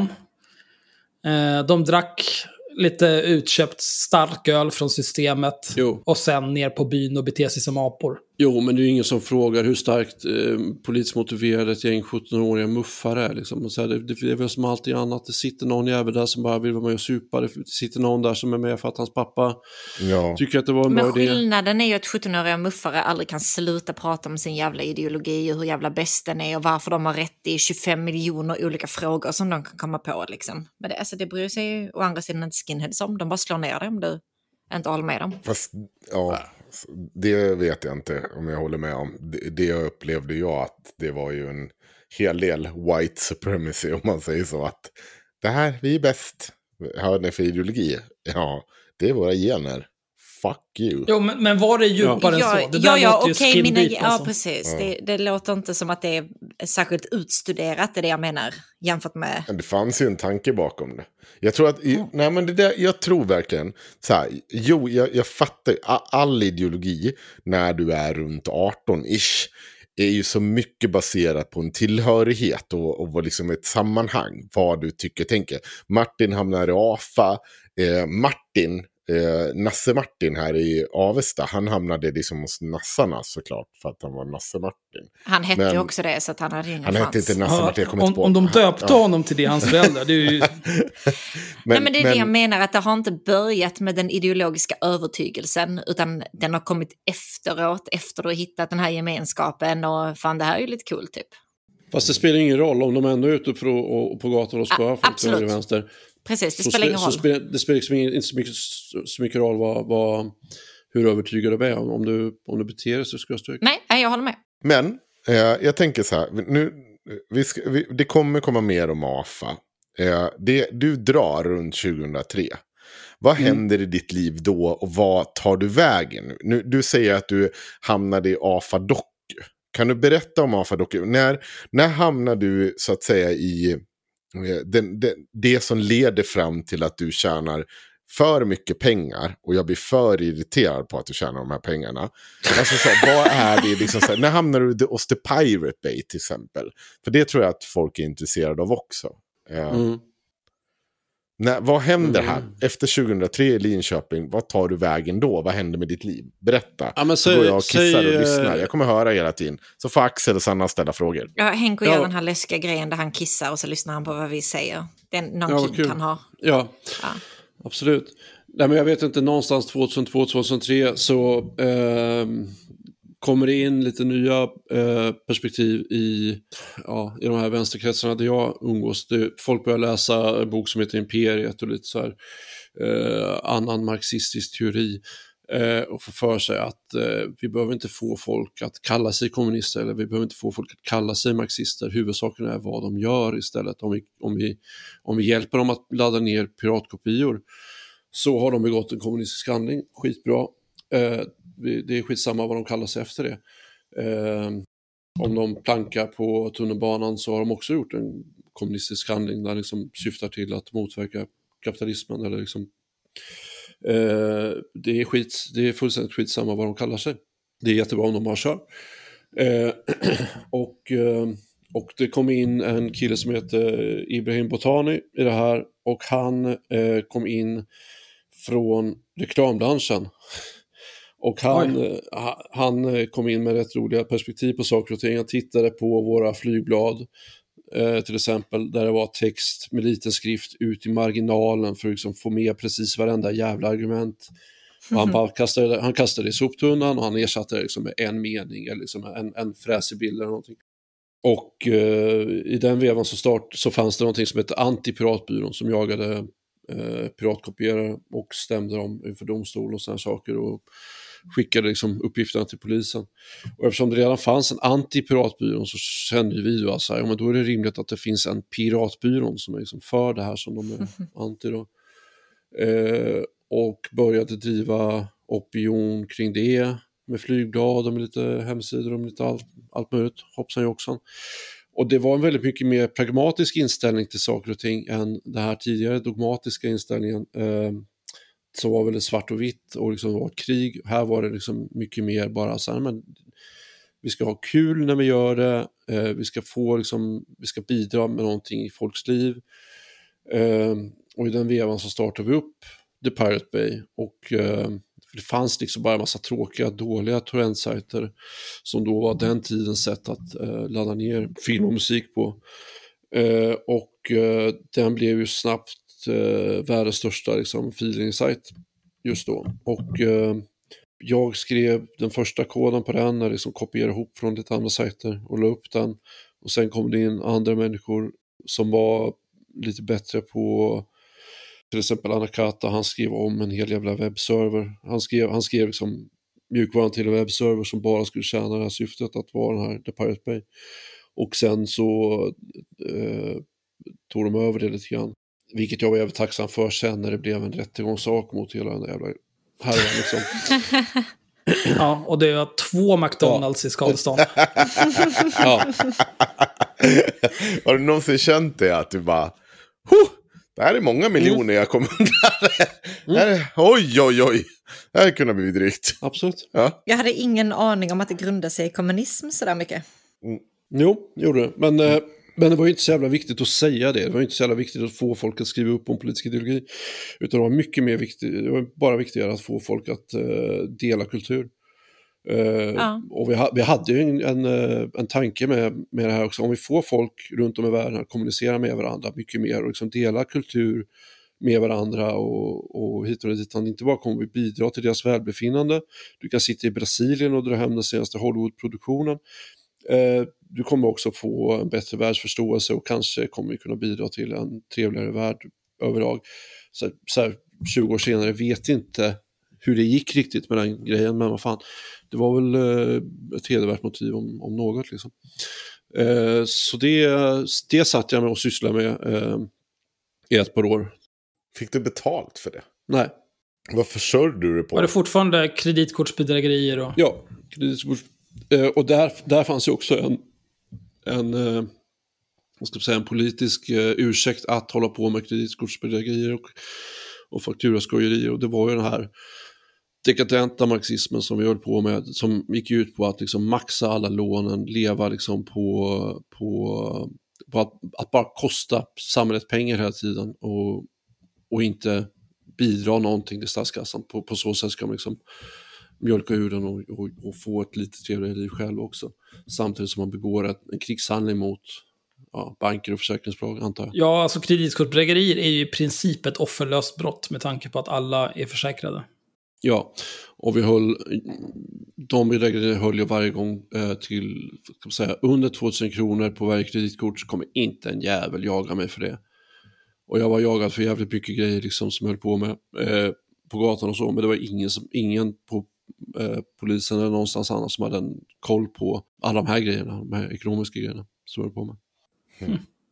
Har du någon skuld? Alltså känner du någon skuld kring att du har levt så idag? Nej, inte kring de grejerna, inte överhuvudtaget. Jag tror ju, det, alltså det är ju skitjobbigt att bli av med pengar på sitt kontokort och man får ju... eh, Jag såg ju dig när jag hämtade dig på tågstationen. Du hade glömt din plånbok. Alltså du, Ja. jag har nog inte sett dig så stressad över någonting förut. Nej. Det är ju skitjobbigt. Så, ja. Men det går ju över. Man, man, man måste ju hålla på och jobba lite med det. Men det är ju helt och hållet offerlöst. Är det, ju inte. det är ju bara att man inte riktigt ser offret. Och fan, till slut får man ju tillbaka pengarna. Det jobbiga där hade ju varit om jag hade behövt klippa alla mina kort och beställa hem nya. Liksom, och ja, allt det där jävla tjafset med det. Hur mycket eh, pengar skulle du säga att du har skojat till dig? Innan du blev eh, IT-entreprenör? skulle tippa på att det låg på en halv miljon minst. Det var det jag förväntade mig när jag ringde Kronofogden för att kolla av hur mycket det låg på. Eh, då förväntade jag mig att det skulle ligga på en halv miljon. Men eh, problemet där är ju att när du har med en skojare att göra så hamnar ju de, de, de inkassobreven hamnar i en egen kategori så att säga. De, de, de inkassoföretagen säljer ju bara de här fakturorna vidare till nästa och de vet att de inte kommer få igen de här pengarna, att de läggs i den omöjliga högen. Eh, och de vet att så här, går jag till Kronofogden med den här då kommer han överklaga, överklaga, överklaga, för det var det jag gjorde liksom. Bara för att kosta dem pengar. Och sen så kommer jag ju vara skyldig ännu mer pengar, men det skiter jag i, jag har ju kostat dem ännu mer. så att när jag väl kollade upp det där då, och då hade jag ju liksom legat lågt med att hålla på på det sättet ett år, så låg det bara på 50 000. Och det var ju, Det är ju ingenting. det var ju fantastiskt, jag var ju skitglad den dagen. Så det, det betalade jag av sen på, på ett par år. Jag får ju fortfarande inkassobrev på några jävla eh, förkläde och på några jävla träskor och på några jävla DVD-film hit och dit. Det närmaste jag har kommit något sånt, eh, inte nå- någon typ av bedrägeri, men också samma den här, det ska kosta. mm. Det var, jag hade träningskort på Sats, typ 2000 eller 2001. Och så sa jag upp det. Eh, och då var hon lite näbbig i kassan. Åh nej. För hon, när hon frågade så här, men varför vill du säga upp det? Och då sa jag så här, nej men jag, jag har liksom inte, jag har inte den här typen av tid och intresse längre, så det är ingen idé. Ja, nej men det är ju inte vårt fel. Nej, nej, nej. Men ska jag betala för evigt då, bara för att det inte är ert fel att jag inte vill komma hit? Jag fattar inte. Det är 500 spänn i månaden, hur mår du? Eh, och sen så eh, det kan ha varit jag som missuppfattade, men jag tänkte i drygt 11 års tid att de försöker knulla mig på 500 spänn, jag vägrar betala. Och den gick till, eh, den gick till en kasso, sen gick det till Kronofogden. Eh, när jag kollade någon gång så hade de, det fanns något utmätningsbeslut också. Mm. Typ 2009. Men det fanns ingenting att mäta ut så det kan knulla sig själva. Eh, och sen eh, till slut när jag började jobba med data och, och hade helt slutat bry mig om pengar. Då ringde jag till Kronofogden och frågade så här, men hur mycket är det där? Ah, det är 10 000. Ah, Okej, men eh, jag betalar in det idag så var det bra så. Det är det närmaste jag har kommit att... Eh, Alltså det är så konstig sak. Vad ni... Åh, gud, jag blir så arg. Det där hade jag fått panik av. Jag också. Alltså för, för, mig, för mig så handlade det väldigt länge om att jag tänker inte förlora mot de här jävla kukarna. Jag skiter i det. Ja, men, Men sen så bestämde jag mig när jag var 30 Men för att nu ska jag bli vuxen och skaffa ett riktigt jobb. Jag har ingenting. Det kostade Nej. 10 lax. Ja. Men du hade säkert kunnat slippa den om du, om du hade till exempel skrivit till om att jag inte har hört av mig på tre år, det här är preskriberat. För, för, för, som det skulle bli, bli preskriberat efter tre år. Det här är en sån storkuksaura där man bara blir slagen i ansiktet själv. Liksom. Jo, inte... nej, men för mig känns det okej. Det är samma sak som när jag fick eh, dagsböter för att Mattias Albinsson är en glaspojke. ja, men de Alltså, kan jag- du ju ta. Det, det är en helt annan grej. Nej, men det var ändå så här, jag var, jag var glad över det. För att jag var glad över att jag kunde så här, aha, 28 lax. Det är inga problem. Här är pengarna. Så kan jag bara, det var, det var, när jag betalade det, det var som att få pissa Mattias Albinsson rätt i ansiktet. Och bara, ja, visst du vann, men vann du egentligen? För att jag är rik och du, har, du kan inte ens frilansa för nazistmedia längre för att du har gjort det omöjligt överallt. Du ska ramla runt där på din jävla cykel och en sopa. Mm, mm, mm. Jag, jag vet inte om du vann. Vänta, jag, ska, jag måste ta på mig min Rolex. Ett ögonblick. mm, Ja, gud, nu sitter han och... That makes you a winner somehow. Ja, är det så mycket vinnare av det här? Jag vet inte. ja, gud. Axel kommer tänka på detta och runka tills det kommer varm luft sen efter vi har spelat in. Det är så jävla vidrigt alltså. Han har pengar. Det är fan inte friskt alltså. Snackar ni skit om pengar? Nej, vi snackar skit om dig. Eller jag gör. Jag ska inte dra med mig de andra här. Ja, ni får jättegärna snacka skit om mig. Bara ni inte snackar skit om pengar, då blir jag fan rasande. Jag snackar skit om din relation till pengar. Det gjorde jag. Det är för att jag föddes fattig. Tillbaka i alla fall till Martin. För Ja, tack snälla. Tack Ja. Nu har det hänt någonting i den här perioden. Du har fortsatt scamma folk. Med, och du har dragit, varit med och dragit igång The Pirate. Men var, var någonstans, när kommer Acta Publica alltså in i... För det hette väl inte Acta Publica, vad hette det? Piscatus? Nej, men det kommer det kom in 2010, 2011. Eh, Okej, men vad händer däremellan som bygger upp till det här då? Vad gör du däremellan? Nej, men däremellan tänker jag att så här, okej, men det var bara 50 lax. Eh, Jag har ett brottsregister, jag har skulder på Kronofogden, jag har suttit eh, häktad, jag har eh, ingen utbildning, jag har liksom inte ens gått gymnasiet. Eh, härifrån kan det ju ändå bara gå uppåt. Det är ju inte så mycket mer jag kan göra för att, för att fucka mig själv. Liksom. Eh, så jag började ta, ta tag i vissa grejer och liksom gick en termin komvux innan jag ledsnade fullständigt på det också. Eh, men sen han mig fram på lite så här småjobb och svartjobb och så en, en tid innan jag... Eh, Vad eh, jobbar du med då? Jag vill höra småjobb och svartjobb. Vad var det för någonting? men så här städ och flyttgubbe och eh, personlig assistent, telefonförsäljning, alltså så här massa jävla skitjobb bara. Men varför jobbade du inte med data? För då hade du väl ändå hållit på med data i 15-20 år? Ja, det hade jag gjort. Och eh, nej, jag trodde det behövdes en utbildning för det. Helt ärligt. Jag, jag var så jävla dum i huvudet. Jag var så jävla dum i huvudet. Jag hade kunnat ställa mig på, i Kista och räcka upp handen. Så hade jag haft ett jobb dagen efter. Men, eh, nej, men jag tänkte jag ska bo i Västervik och vara flyttgubbe istället. Mm. Ja. Ja, det låter inte jättesmart faktiskt. Det är Karaktärsdanande om inte annat. Ja, absolut. Men, men, eh, men samtidigt under den här perioden så höll jag fortfarande på med AFA-dokumentation och eh, satt och hackade mejladresser på nätterna. och liksom Mm, Precis. Hackade, Berätta hackade, lite om AFA-dokumentation där. Ja, men det var ju ett nätverk av de här olika lokala grupperna. Hade, alla lokala AFA-grupper hade åtminstone en person som kartlade de lokala nassarna. Och de ingick i ett större nätverk där man gjorde lite grann som man ville. Det här var också en superpragmatisk eh, eh rörelse som, eller organisation som verkade i en ganska dogmatisk rörelse. Men där gäller det liksom bara att få fram information på vilket sätt som helst. Eh, så vi hackade konton, mejlkonton, vi hackade eh, webbshoppar, NASA-webbshoppar, vi identifierade folk till höger och vänster, vi åkte på demonstrationer och ställde oss och fotograferade dem från alla håll och kanter och satt sen hemma och eh, på så här olika internet som jag byggde upp och satt och eh, identifierade A lot can happen in three years, like a chatbot may be your new best friend. But what won't change? Needing health insurance. United Healthcare Tri Term Medical Plans, underwritten by Golden Rule Insurance Company, offer flexible, budget friendly coverage that lasts nearly three years in some states. Learn more at uh1.com. There's never been a faster or easier way to start your weight loss journey than with PlushCare.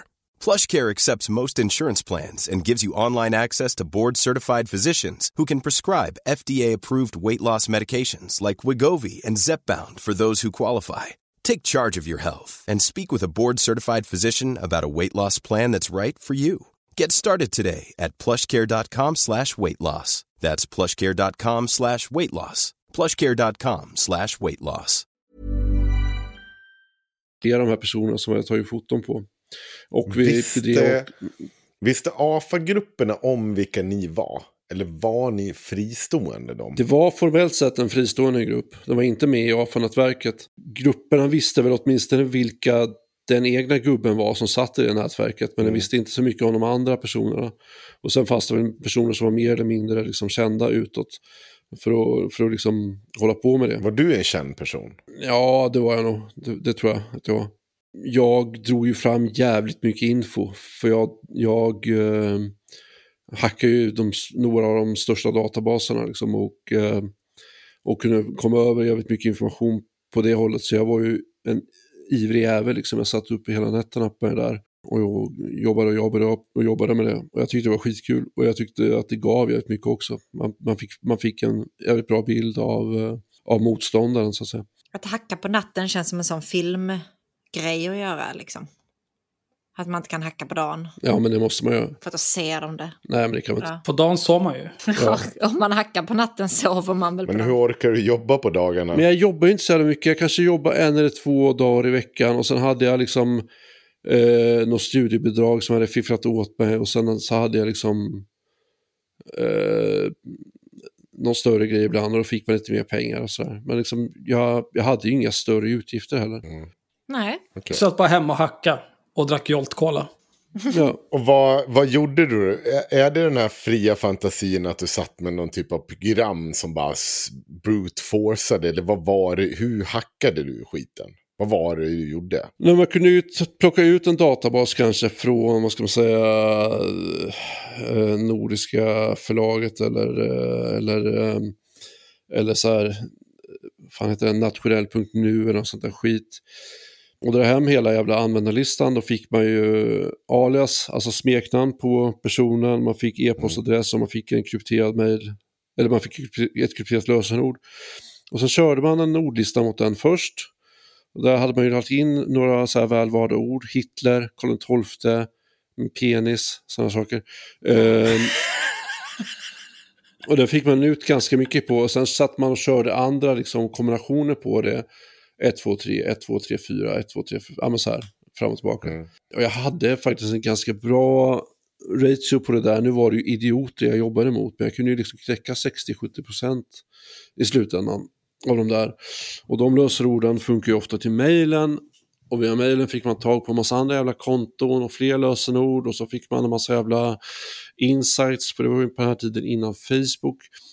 Så folk satt och mejlade till varandra kom in på liksom Salem-manifestationens eh, liksom funktionärsgrupp och liksom planeringsarbete inför Salem och vart de skulle gå, vart de skulle ha flygblåsutdelningar innan, hur pengarna rörde på sig, vad de skulle ha för spelningar, vart och när och liksom vilka personer det var som drog och, och slet i det. Eh, och sen la man det i olika korgar och sen såg man hur det liksom smällde. Man kunde lägga man kunde lägga det hos en lokal AFA-grupp och se liksom när det smällde där. Att, eh, att de gick dit och spö på någon. Man kunde lägga det hos Expo. Eh, via någon kontakt så skulle man se så här, ja men där kom den nyheten ut och sabbar vi det arbetet för dem. Eller så kunde man lägga, det- eller så kunde man lägga det hos någon journalist som man visste skulle lägga det hos polisen och så blev det ett gripande eller, eller liksom vad som helst på det.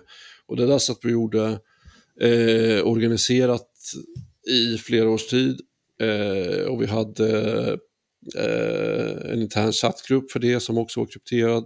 Och så satt folk och bara gnetade på. Det var inte, det var inte jättemånga som satt och liksom knäckte krypteringar kanske, men, men eh, alla hade ju på något sätt nytta av det.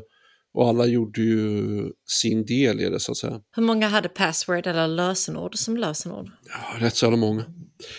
Sverige, och, Vilket var det vanligaste lösenordet? Det måste ju varit Hitler. ja, jo men det tror jag.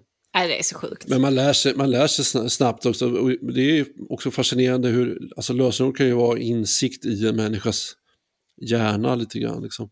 Absolut. Eh, någon som har fuckface som lösenord eller så. Kvin kvinnor har ofta sina barns namn som lösenord. Män har väl säkert något fotbollslag eller liknande kan jag tänka mig. Alltså det, det, Ja. det, är så, det är så jävla skrämmande att du har mitt lösenord på Akta Publica. Jag, jag får ja, panik. För du använder det överallt som den jävla åsna du är. Jag får fullkomlig Idiot. panik. det. ja, i alla fall. Men Henrik, det är ju krypterat.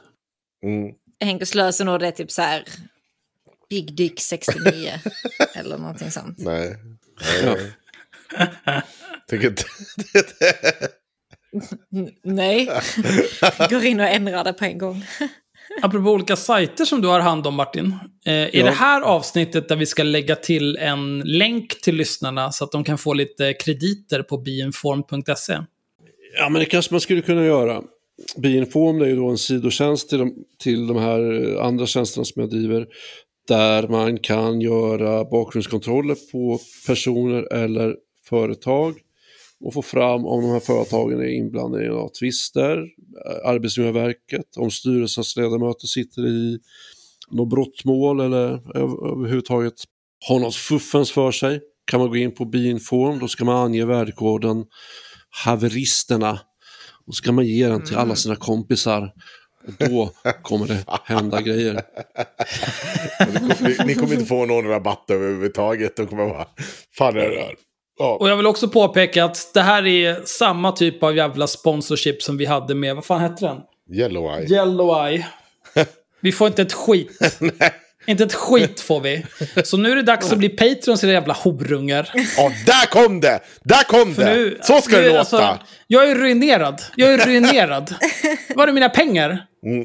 Vi sitter här en fredagkväll, klockan är tio på kvällen. Vi skulle alla fyra kunna vara nere på byn och må bra och dricka sprit. Hot shots rätt in i ansiktet. Nästa merch måste bli dig som någon typ av sån här leprechaun som går och jagar guldet, Axel. Ja, men jag tänker jag kan mer vara någon slags televangelist. ja, Det viktiga är att ni donerar. Det, det, det, jag vet att det är jobbigt nu. Ni alla har blivit av med jobbet. Ni mår dåligt. Det är corona. Alla är sjuka. Alla dör. Men Gud hatar er om ni inte donerar. Bli patrons redan idag. Ja, nu kör vi på. Eh, nu ska vi se, Martin, var är vi någonstans? Ja, Eh, vi, nu ska vi hoppa väg från mellansnacket. N- vad händer nu? Akta Publica. Och det här När går- mellansnacket, Ja, en, en och en halv timme. ja. när kommer Akta Publica? När kommer researchgruppen? I vilken ordning kommer de?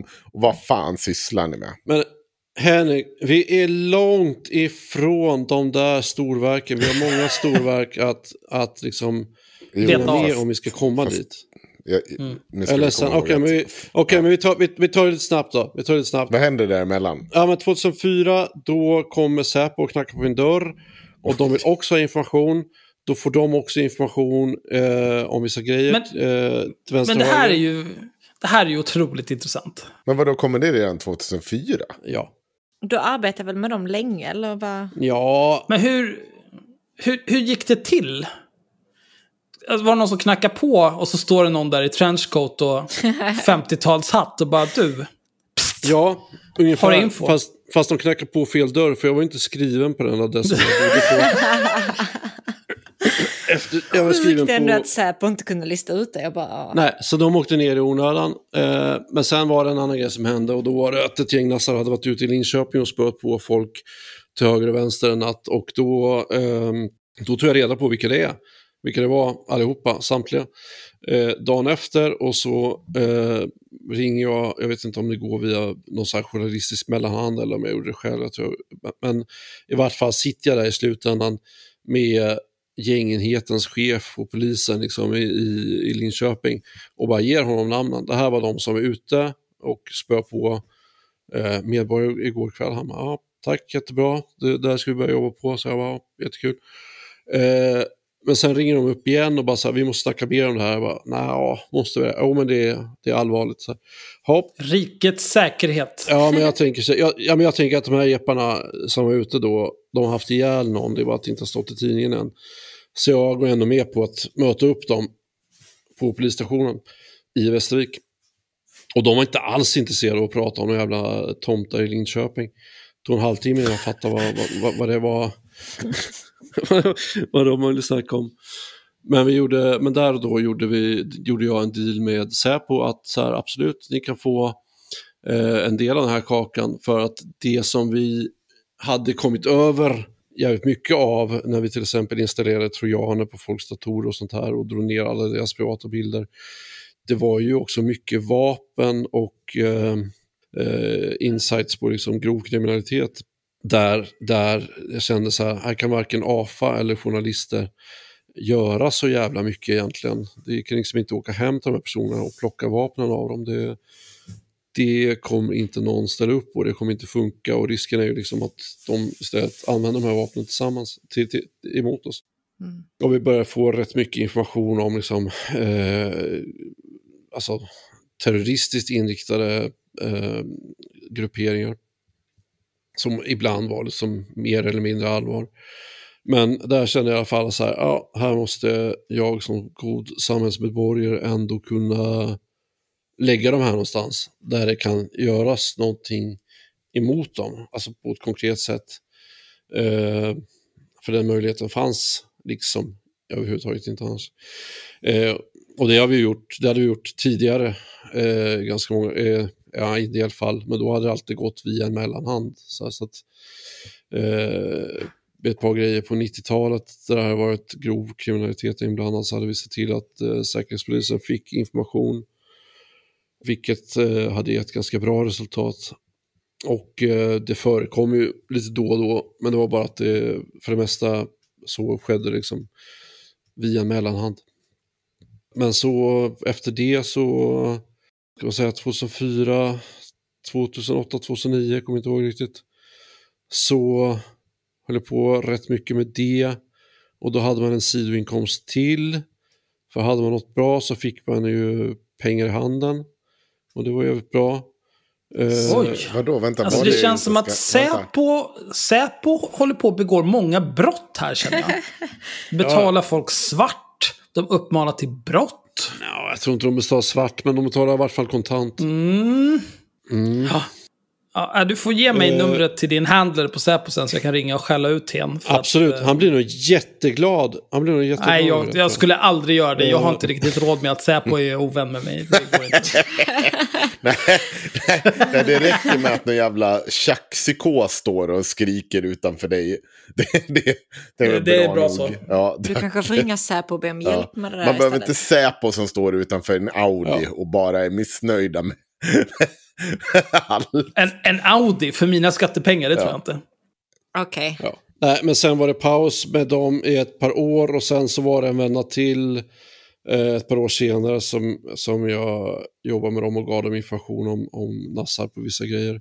Men, men mellan 2009 och ett år framåt tror jag så var det, eh, hade jag ingen kontakt med dem. Eh, men sen så hände det ju saker efter det. Liksom, så det, det smällde ju ett par gånger så, här, så att det... Och researchgruppen hände väl också? Ja, men 2007 flyttade jag till Stockholm och sålde ett researchpaket till TV3 Insider. Och, och då, första gången fick jag jobb med det jag faktiskt sysslade med och tyckte var kul, vilket var mm -hmm. research. Så då jobbade jag med, äntligen med då hade jag ett jobb överhuvudtaget. Så då jobbade jag med, med, med det. Och så helt plötsligt började du arbeta med människor som kanske hade kontakt med Xbox. Ja, ja men det, kontakt, de hade ju kontakt med hela tiden. Man ville lägga saker på dem. Judarna eller? Ja. ja. Soros och company. Och, mm. eh, och eh, 2010 så hade jag slutat där och så startade vi ett bolag som heter Piscatus som var föregångare till Acta Publica. Och 2016 så gick den här eh, Piscatus ihop med nyhetsbyrån Siren om att starta ett nytt arkivtjänst som heter Acta Publica. Och förra året så gick jag in som delägare också i nyhetsbyrån Siren. Så det var hela den historien. Och då stannar vi där. Och då ska vi försöka, försöka förklara för folk vad det är som har hänt här. Det är alltså att ni har någonstans på vägen här har du bytt upp ett arkiv av en mängd domar i Sverige som du säljer till journalister och för journalistisk verksamhet. Ja, det har gått jävligt snabbt här, men absolut. Ja, Ja, men Eh, vi kan det- inte liksom dra Ja, men- hela jävla den historien och bakgrunden. Men du är den som drar igång Ja, men- det, eller är det flika fler? Eller, ja, berätta väl, själv. väl, choose and pick vilket jävla stordåd du vill prata om. Men, men eh, de, här, de här grejerna som jag började med 2010 med Piscatus som är Acta Publica och det, det var ju då att, att sätta ihop ett skript som, som mejlade till alla tingsrätter och bad att ja, man gjorde en offentlig begäran om alla domar, alla, alla en massa jävla grejer. Och ett annat skript som samlade in dem och la dem i ett index i, i en sökbar databas. Och sen ge journalister tillgång till detta och ge journalister tillgång till att lägga in också alerter i det här. Eller agenter, det vill säga att eh, du lägger in alla lokala politiker och så får du en pling när, när de förekommer i ett brottmål. Och det visade sig vara ganska bra. Det var poppis. ja, kan jag det var tänka bra. mig. Ja, det var jättebra. Så nu används det av alla mediehusen. Det är intressant. Eh, men ska vi backa bandet lite? Hur kom du på? Eh, vem var, det du som kom på idén att göra det här skriptet? Och göra allt det här? Nej, det var det inte. Det var en Göteborgs journalist eh, som heter Daniel Olsson som jag satt och gaggade med. Och han sa att så här, fan, man får ju de här jävla handlingarna digitalt. Skulle man inte bara kunna samla in dem på något jävla ställe? Ja. Ja, men det kanske man skulle kunna göra, så jag. Och så gjorde jag det. Alltså idén är ju genialisk. Mm. Ja, så han ska ha all cred för den. Ja. Kommer du dela med dig av all fame and fortune då? Nej. Han skulle väl tagit patent om han ville ha det. han, får ju, han får ju fame nu, men Ja. någon måste ju sätta ihop Daniel skiten. Olsson, Så någon, vilken hjälte. Någon, ja, men någon måste ju också sätta ihop skiten och göra skiten. Ja. Eh, så jag sa, ja, men han var ju den första som fick testa det. Expressen fick testa första året, fick de vara exklusiv kund på den här tjänsten. Mm. För att, eh, men för att det var ju en ren jävla betaversion, men vi behövde också ha in eh, pengar till företaget för att kunna driva det. Mm. Och sen så släppte vi en uh, live-version liksom för alla, alla mediehusen. Och eh, ja, det, de behöver ju det här. Tidigare så åkte ju de omkring på cykel och samlade in från eh, men kommunhuset, från liksom, domstolen och sen så åkte de in liksom, på eftermiddagen och skrev ihop vad de behövde göra. Liksom. Nu eh, slapp de det, kunde de bara sitta och ta emot istället och få en pling i mejlen när det hände någonting. Och det var ju väldigt mycket bättre för dem. Och eh, en ganska stor del av det vi ser som artiklar i liksom, Svensk Dagspress dagligen har ju i någon form varit inne och gjort antingen bakgrundsresearch i de här systemen eller fått hela liksom, uppslaget ifrån detta.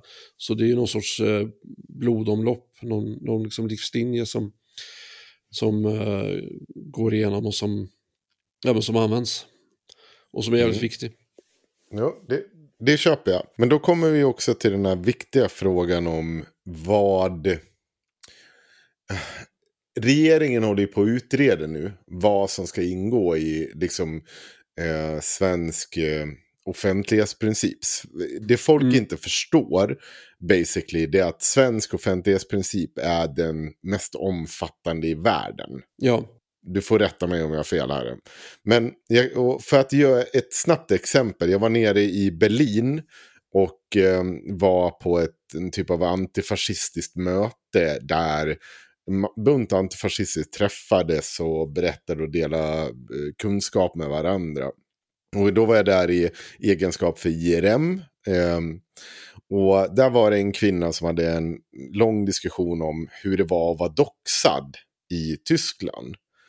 Eh, och hon stod och pratade i ungefär en halvtimme innan jag insåg att det hon berättade var att Det jobbiga för henne var att hon hade fått sin adress och sitt telefonnummer uttänkt. Och då, då så här, jag var och det tog en stund innan som jag greppade det här konceptet att hon bara, vad är det du pratar om? Så, så här, och, och då bara, till slut så, så, så, insåg jag att det är förmodligen det hon pratar om. Hennes hemadress och telefonnummer blev uttänkt. Och då frågade jag henne om det samtidigt som jag tog upp hitta.se på min mobil. Och så frågade jag henne, är det det här du liksom har blivit doxad av? Ja, säger hon då. Och då visade jag upp hitta.se. Och så googlade jag någons namn som jag kände. Och så visade jag upp det. Och hon vart ju helt så här, va? Och hon förstod inte vårt system. Och, de, och, och såklart, jag kunde inte relatera till att vad, vad hon sa som doxad. För att det var ju helt absurt. Det här har vi ju helt öppet i Sverige. De har inte samma ens rättegångsprincip. Du får ju inte ta upp eh, ljudinspelning från en rättegång i Tyskland. Du får sitta med där och rapportera från den. Du får inte ta upp ljuduppspelning och du kommer inte få ut samma material som du får här i Sverige. Nej. Och då tänker jag så här, och det, jag, jag, är ju en Sverigevän av rang i den meningen när det kommer till friheter som vi har i Sverige. Att vi är ganska välbalanserade där. Eh, och då tänker jag så här, men är det verkligen rimligt att alla ska ha tillgång till allt det ni erbjuder? För ni har ju fortfarande, jag vet ju till exempel det här. Ni har tillgång till en 20 år gammal dom på mig. Är det rimligt att den finns kvar där? Ja, det är det. Är det det? Varför? Berätta. Nej, för jag skulle lägga ut det på någon assistent till exempel. ja, men jag bara... Jag ska jävlas med. jo. Ja, jo. jag kan tycka att det är rimligt att det finns. Men sen så finns det ju liksom pressetiska regler som gör att det inte är för någon seriös aktör intressant att ta upp att den finns. Nej. Men varför Martin? Berätta för mig, du. Det är du som har skapat det här systemet. Mm. Det är du som är den personen liksom som har liksom, borde ha tänkt igenom det här. Nu, nu står ni ju inför en utredning på grund av lexbase. Eh, där liksom folk kan kolla upp sina grannar. Varför ska vi lyssna på dig? Varför är det viktigt? Förklara för mig. Nej, men allting handlar ju om rim och reson. Det kan ju vara rimligt att eh, påpeka att en person som är statsminister eller liksom politiker eller, eller sitter i någon sorts eh, maktposition och har eh, position att stifta lagar om den personen samtidigt är, är dömd för någonting och om det brottet eh, är relevant för, eh, ja, för saken. Om man, om man har en 20 år gammal eh, fortkörning så spelar inte det någon större roll. Men om man har 20 år gammal... Men varför finns det kvar? För det, det öppnas ju upp för då era kunder. Varför tar ni inte mm. bort det då? Nej, varför skulle vi? Det kan ju vara superintressant. Ja, fast... Ja, varför skulle det inte finnas kvar? Men det kan ja. ju finnas jättegoda principer av att de som... För, för, för er som bolag, ja. ni erbjuder ja. en tjänst. Men för de som köper tjänsten av er så kan ju de missnyttja... Ni tar ju inga ansvar för de utnyttjar er tjänst. Eller? Jo, det gör vi. Gör ni det? De okay. får ju skriva på... Alla kunder hos Acta Publica skriver på ett avtal där det ingår att de inte får använda det här i privat, privata syften eller liksom missbrukare eller, eller på något sätt. Alltså det ska ju ingå i tjänsten. Det ska ju vara att Expressen eller Aftonbladet eller vilken tidning det är använder det för att ja, men, skriva en artikel. Och det är, det är inte vem som helst som får bli kund heller? Nej. Då förlitar ju ni er på den som köper e-tjänst, att den följer alla pressetiska regler och sånt. Och det kan ja. vi konstatera, att de som, alltså det varierar ju. Ja, alltså så här, på riktigt. Jag har ju köpt tjänsten av er via IRM. Mm. Vilket är, jag, jag, kan försvara det varje dag, men vi hade ingen ansvarig utgivare. Vi har hanterat det bra, på ett bra sätt skulle jag säga, hur vi har gjort det. Men det betyder ju inte att vi inte kunde hantera det på ett dåligt sätt. Eller liksom att det inte finns Aftonbladet-artiklar eller Expressen-artiklar, ETC-artiklar eller vilka det det är som, som inte liksom har klivit över den gränsen. Där man börjar fundera, är det verkligen rimligt att påpeka den här 15 år gamla domen? Ja, och där har vi ju som tur att det finns ju ett pressetiskt system som man kan vända sig till.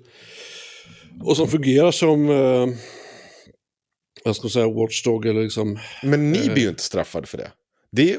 Det är ju i så fall om den som köper er tjänst gör det övertrampet. Mm. Kommer ni straffa den kunden då? Håller ni koll på att den kunden har begått det övertrampet med er tjänst? Det har ju aldrig hänt att något, någon pressombudsman eller liknande har sagt att, eller det vet jag inte, men det tror jag inte att den här tjänsten har missbrukats eh, av eh, någon av våra kunder. Skulle det hända en gång så tror jag ju att vi, att de tar åt sig av det, för det brukar de ju göra. Men skulle det hända mer än en gång, eller liksom systematiskt eller flera gånger så skulle vi ju stänga av tjänsten för dem. Man, kan man inte jämföra lite grann med liksom när eh, någon kändis blir inlagd på sjukhus? Typ eh, SÖS eller Karolinska eller Sankt Görans, något så här stort jävla sjukhus. Och sen helt plötsligt så är det 200 pers på sjukhuset som har kollat den journalen. Ja, Fast är det det någonsin? Va- Vad jo, det, det har ju hänt. Alltså det, det är något typ såhär, Leif Loket, eh, hans kuk ramlade av. eh, och så går, åker han in Ja, på det. sjukhus. Ja, just det. Den gamla... Ja, mm. Ja, ja, men det, det kommer du ihåg. ja absolut. Och sen ja. så, så hör snacket gå på sjukhuset så här, ah, Loket ligger här så här. Och sen är folk inne och, och ska rafsa i hans journal för de är så jävla nyfikna på vad som har hänt. Och det får de ju inte göra. Nej, Men det händer ju ingenting. De kanske får någon reprimand, men liksom... De får ju sparken och de utreds ju för dataintrång och de får ju aldrig mer jobba som sjuksköterskor. De som har liksom plockat ut den journalen. Ja, fast Eller får de det verkligen? Ja, det får de ju. Ja, okej. Alltså nu jämför du sjukhusjournaler som är väldigt hög sekretess på med domar som är offentliga Ja. eh, och som det inte är någon sekretess på.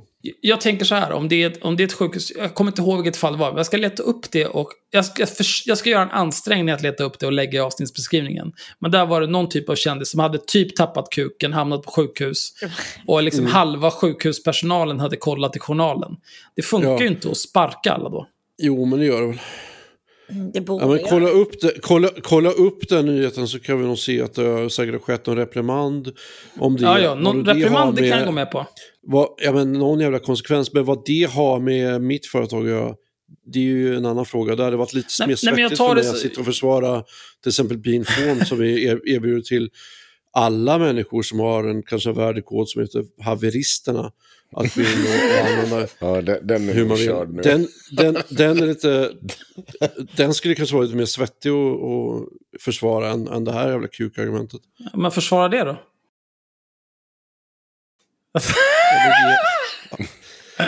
Nej, men det känns ju lite grann som att man beskyller internetprovidern för att ungar kommer i kontakt med porr liksom. Alltså, det, Nej, men jag fan, så, här, så här har det funkat sedan vikingatiden. Man ställde sig på ett jävla torg och sa att du är dömd för det. Oj! Åh gud vad jag älskar det här. Det här är då att röra om i grytan. Det här kommer ju, det här kommer ju, jag kommer ju, jag, jag kommer inte ha möjlighet att kolla upp folk någonsin igen. Jag kommer, jag kommer ha strykt imorgon. Fan.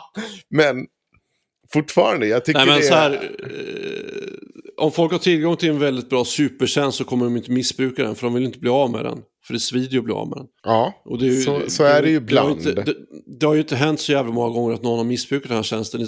Och i de fallen det har hänt så är det ju mediehusen själva som har kontaktat oss och sagt att de misstänker att en av deras anställda har missbrukat tjänsten. Och då får vi Mm. starta en utredning kring det. Liksom. Eh, så det är ju självsanerande av ren självbevarelsedrift. Men det har hänt alltså? Alltså att folk Ja. har kontaktat er och sagt att vi tror att det här har skett? Ja, det kan ha funnits misstankar och sen har det ju va- varit sådana fall där vi har kunnat säga så här, nej men det har inte missbrukat, vi tror inte att den här personen har missbrukat den här tjänsten. Vad fan vet jag? Jag tror att vi har utrett det kanske en eller två gånger under en tioårsperiod för att, för att uh, mediehusen har bett om det. Okej, men då, då, då ska vi hoppa tillbaka bandet. Eh, Nu har vi pratat lite om vad det är du gör och hur du lämnar ut massa uppgifter på svenska medborgare och är en jävla fitta kring det. Ja, men jag tänker så Men här. vi har också pratat lite om hur Martin verkar i frihetens tjänst genom att spöa nassar Mm. och genom att hjälpa ordningsmakten. Ja, för fan. Kan, ja, då, då hoppar vi in på researchgruppen. Vilka var ni? Vad fan gjorde ni för någonting? Berätta om det. Mm. Så att vi är någonstans... Eller vänta, vad vill du först? Jag vill veta, hur är Joel?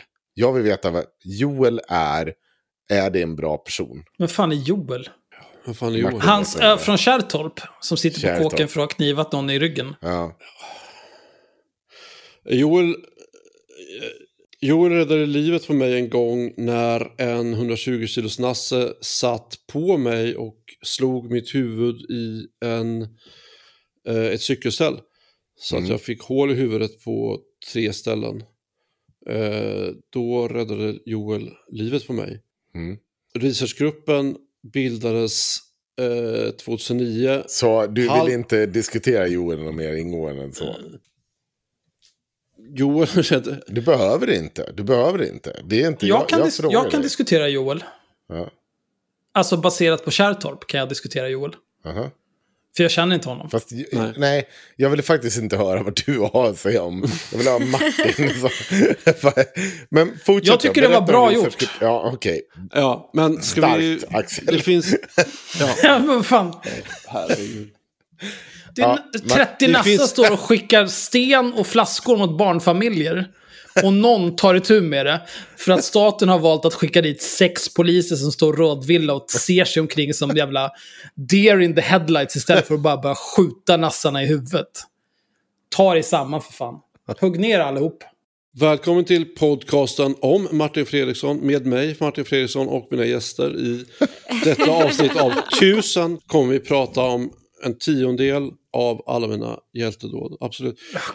Pratat om, hur, hur många hjältedåd har du kvar? Höra om Ja. det? eh, bildades 2009. Eh, och Mm. då var det som en fortsättning, eh, hälften och hälften liksom från gamla autonoma hållet och hälften från annat håll. Alltså det, det var eh, lite grann en konsekvens av att så här, vi märkte själva att så här, mer och mer av vi gör är fullständigt lagligt. Eh, 99% av det vi gör är helt lagligt och eh, andra människor får cred för vårt arbete när vi liksom lämnar ut ganska feta researchpaket till andra journalister eh, så går de och, och, gör ganska stora nyheter på det.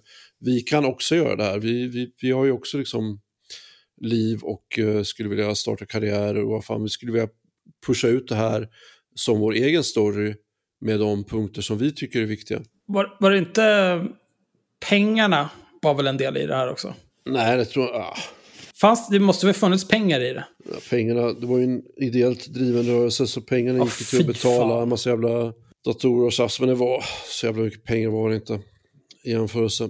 Men kunde ni försörja er på arbetet ni gjorde med researchgruppen? Nej, vi kunde anställa en person i en månad eh, ibland när vi hade något större jobb som vi hade sålt in. Men det började 2009 med att, eh, med att vi hade en utställningsartikel på en, en eh, nazist som höll på med kartläggning av vänstern. Den gick ut i tidningen Arbetaren, Hampus Helleklant. Hampus Hellefjant. Mm. Och eh, den artikeln gick till Arbetaren och sen så följde vi upp För övrigt- granskningar på... Ja, stopp där. Så här, folk, det är för, för många högerfolk som inte är nazister som sitter och gillar vad den där jävla Hampus Helleklant gör och säger. Han Är är, han, är han ens en grej längre? han är aktiv, extremt aktiv på Twitter. Ja, och jag förmodar Hampus, att han inte har Hampus, slutat eh, Hampus. kartlagt folk. Hampus, Hampus, om du hör det här. Skicka ett mejl till haveristerna protonmail.com så kan du få vara med här Ursäkta, och berätta om varför man ska bli en Och, nazistfitta som varför, du. ja, och mördare som du, din jävla horunge. Din jävla Oj. kukfitta. Ditt äckliga jävla svin. Ja, du, Du borde inte inte kasta ur förlåten. dig förelämpningar för du är inte bra på det. Du låter som en tolvåring. Nu sitter du och tar upp 20 år gamla domar här. Och jag är inte bekväm med det. Ja, förlåt. Åh! Oj, oj, oj! Henko, vad ville du göra med de gamla domarna? Vi kommer ha bytt ut Henrik i framtida avsnitt med Martin. Ja. eh, som också kommer sköta all vår research så att vi slipper. Och som kommer ta över all administration av alla konton från mig. Du får, skri- du får göra ett skript Martin, jag orkar inte. Säg hej då till Henrik allihop. Kul det låter. Ja, men jättebra. Kör vi vidare? Vad var frågan? Jag vet inte för att han går ju på de här tangenterna. Researchgruppen. Ni gjorde ett Vad gjorde researchpaket om Hampus Helleklant. Ja, och sen så fortsatte vi jobba eh, och granskade mansrättsrörelsen och sen så eh, satt jag någon dag och pillade med ett, eh, ett API på, eller en, en tjänst som heter Discuss som är ett kommentarssystem som dåtidens avpixlat och en massa högertrollsajter använder för att ha interaktion med sina kunder eller sina, sina läsare För- snarare. Får jag Ja. fråga dig en sak nu? Ja, ja tack. Stämmer det att så som jag har förstått det, att det var alltså att API i den här jävla Discuss, om man var administratör i det, så fick man reda på alla människors mail och uppgifter. Tror inte det. Men jag tror att, ja, jag vet inte, kanske. Jag fick inte reda på det. Nähä? Via det Nej, men hur, hur, du, hur fick du reda på det då? Nej, men jag, jag skaffade mig en API-nyckel i den här tjänsten och där kunde man ju Ja. alltså, helt öppet via deras, deras dokumentation sitta och göra saker för att, nej, men för att eh, kunna utveckla tjänster. Jaha. Eh, och då kunde jag ju eh, skrapa ner liksom alla kommentarer som hade lagts på avpixlat. Och det var det jag var intresserad av från början för att liksom göra, jag ville samköra hur många av dem som också var inne och kommenterade på SVT Opinion Mm. eh, och sådana sajter. Jag vill liksom se hur de gick över till olika sajter. Men då såg jag ju också i det här att det fanns en textsträng i det där med en kryptering i som hade med, jag kommer inte ihåg vad fan det hade med att göra, men jag kände igen krypteringen. Så jag bara Mm. testade och tänkte att det här skulle kunna vara en e-postadress som är krypterad. Och så testade jag på några e-postadresser som jag känner till och så visade det sig stämma. Och då tänkte jag så här, oj, tänk om man satt på ett stort arkiv av e-postadresser kopplade till personer. Vad skulle man kunna göra då? Ja, det skulle Och vara då- tråkigt. Ja. Och då blev det ett gäng artiklar sen i Expressen om olika kommunala och eh, eh, riksdagspolitiker, eh, 99% tillhörande ett och samma parti, som satt och spydde ur sig. Mot Miljöpartiet va? Ja, För mig att det var Sverigedemokraterna faktiskt. Men jag får- Ja, få gå tillbaka Det hade varit min andra gissning. Ja. eh, och det var ju ganska pikanta saker de skrev. Och det var ju ganska intressant att se den offentliga bilden som de la upp och, och den mindre offentliga delen som de la upp under pseudonym. Och det där la vi ut och det blev ett jävla liv om det. Men var det det ni vann Guldspaden för? Ja, Ja, och blev nominerad till Stora Journalistpriset första gången. ja. Och IRM också plockade upp vissa av de här detaljerna som kommer i det här researchpaketet. För ni lyckades också... Sitter du och skryter nu av- Behöver att du gjorde rewrites på det här. rida på Martins våg här, Ja, jo, men det kommer jag. Men jag tänkte också komma fram till att det är ju också så att ni plockar ut och lyckas köpa loss Flashback-registret en sväng, eller hur? Mm. Mm. Men det kom senare, det kom något år senare och då, jag var men- helt slutkörd av, all, av allt eh, och hade massa annat för mig då också i privatliv. Men eh, där lyckades vi också identifiera en, en jävla massa personer. Eh, inte lika många och uppgifterna var lite äldre men det var ändå liksom, det blev ändå ett gäng artiklar den gången i Aftonbladet om det var politiker och det var läkare och det var fan allt möjligt som hade suttit och skrivit. Jörgen Fågelklo som satt och under afghankonto och så vidare och så vidare. Ja, fast han blev Ja. inte utlagd i det för de tyckte Nej, inte nej. Att, att, det räckte. De tyckte Nej. inte att ah, han har en, absolut haft den e-postadressen och den e-postadressen är registrerad i det här kontot som bara Mm. sitter och skriver om saker som Jörgen Fågelkå har koll på. Men han nekar så då kan vi inte göra så mycket med det. Man, hä. Nej. Ja, Men det viktiga att minnas med det där är att han skrev om hur han brukar runka sig själv i ansiktet. ja, Jörgen hur- Fågelklo runkar sig själv i ansiktet. ja. Det är inte, det är inte Och- normalt beteende. Och hans morgonritual när han står på knä i duschen Som en och Terminator. sakta reser sig upp i all sin prakt. Startar dagen. Liksom. Ja. Ja. Åh, fy fan. Ja. Jag blir superlesbisk av att höra detta. Alltså på riktigt. Det kommer... Jörgen, om du hör det här, mejla till haveristerna.protonmail.com och kom hit och berätta om hur, när du runkar dig själv i Nej. ansiktet. Jörgen, mejla inte. Gör inte det. Jag kommer åka hem till dig då. Oj, jag tar avstånd. Eh, Vi har hållit på ett tag. Och vi måste... Två timmar har vi gjort nu. Vi behöver... Ja. Kan vi ta oss förbi 2010? För nu kommer vi ju till det någonstans intressanta. Eh, researchgruppen gör jättemycket jobb, det blir jättebra. Eh, du lämnar researchgruppen. Och jag må nog säga att researchgruppen har inte gått så bra sen när du lämnar researchgruppen. Finns researchgruppen fortfarande? Jag tror det. Ja. Jag vet inte. Det, det har inte gått så bra i alla fall för dem. Nej. Men, och då kommer vi tillbaka till Säpo-tråden. Just det. Vad var det som hände?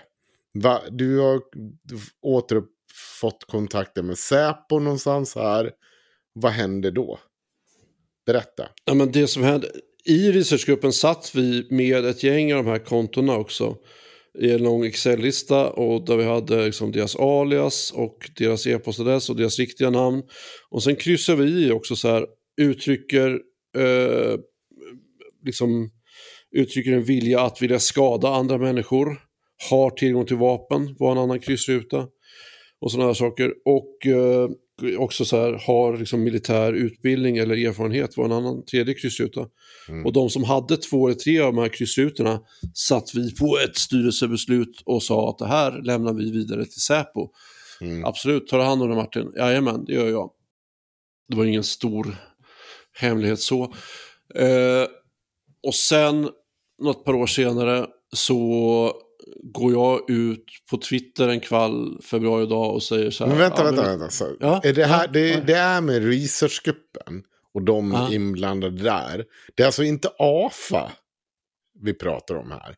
Utan det är researchgruppen. Alltså AFA, och, eller AFA dokumentation är nedlagt vid det här laget. Mm. Sen 2016, om vi pratar 2016. Har jag för. Mm. Ja, Det är du som pratar Martin, du väljer. Ja, du väljer. absolut. ja, men skitbra.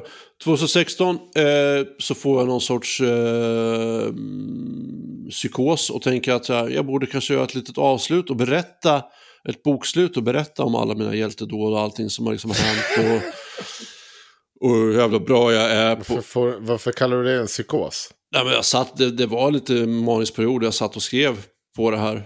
Men absolut, det var, ing, alltså det var ingen psykos så, utan det var att jag hade hamnat i, på en plats i livet där jag kände att så här, jag har inte så mycket mer att tillföra till just de här bitarna. Jag är inne i någonting helt annat och jag, jag gör just nu.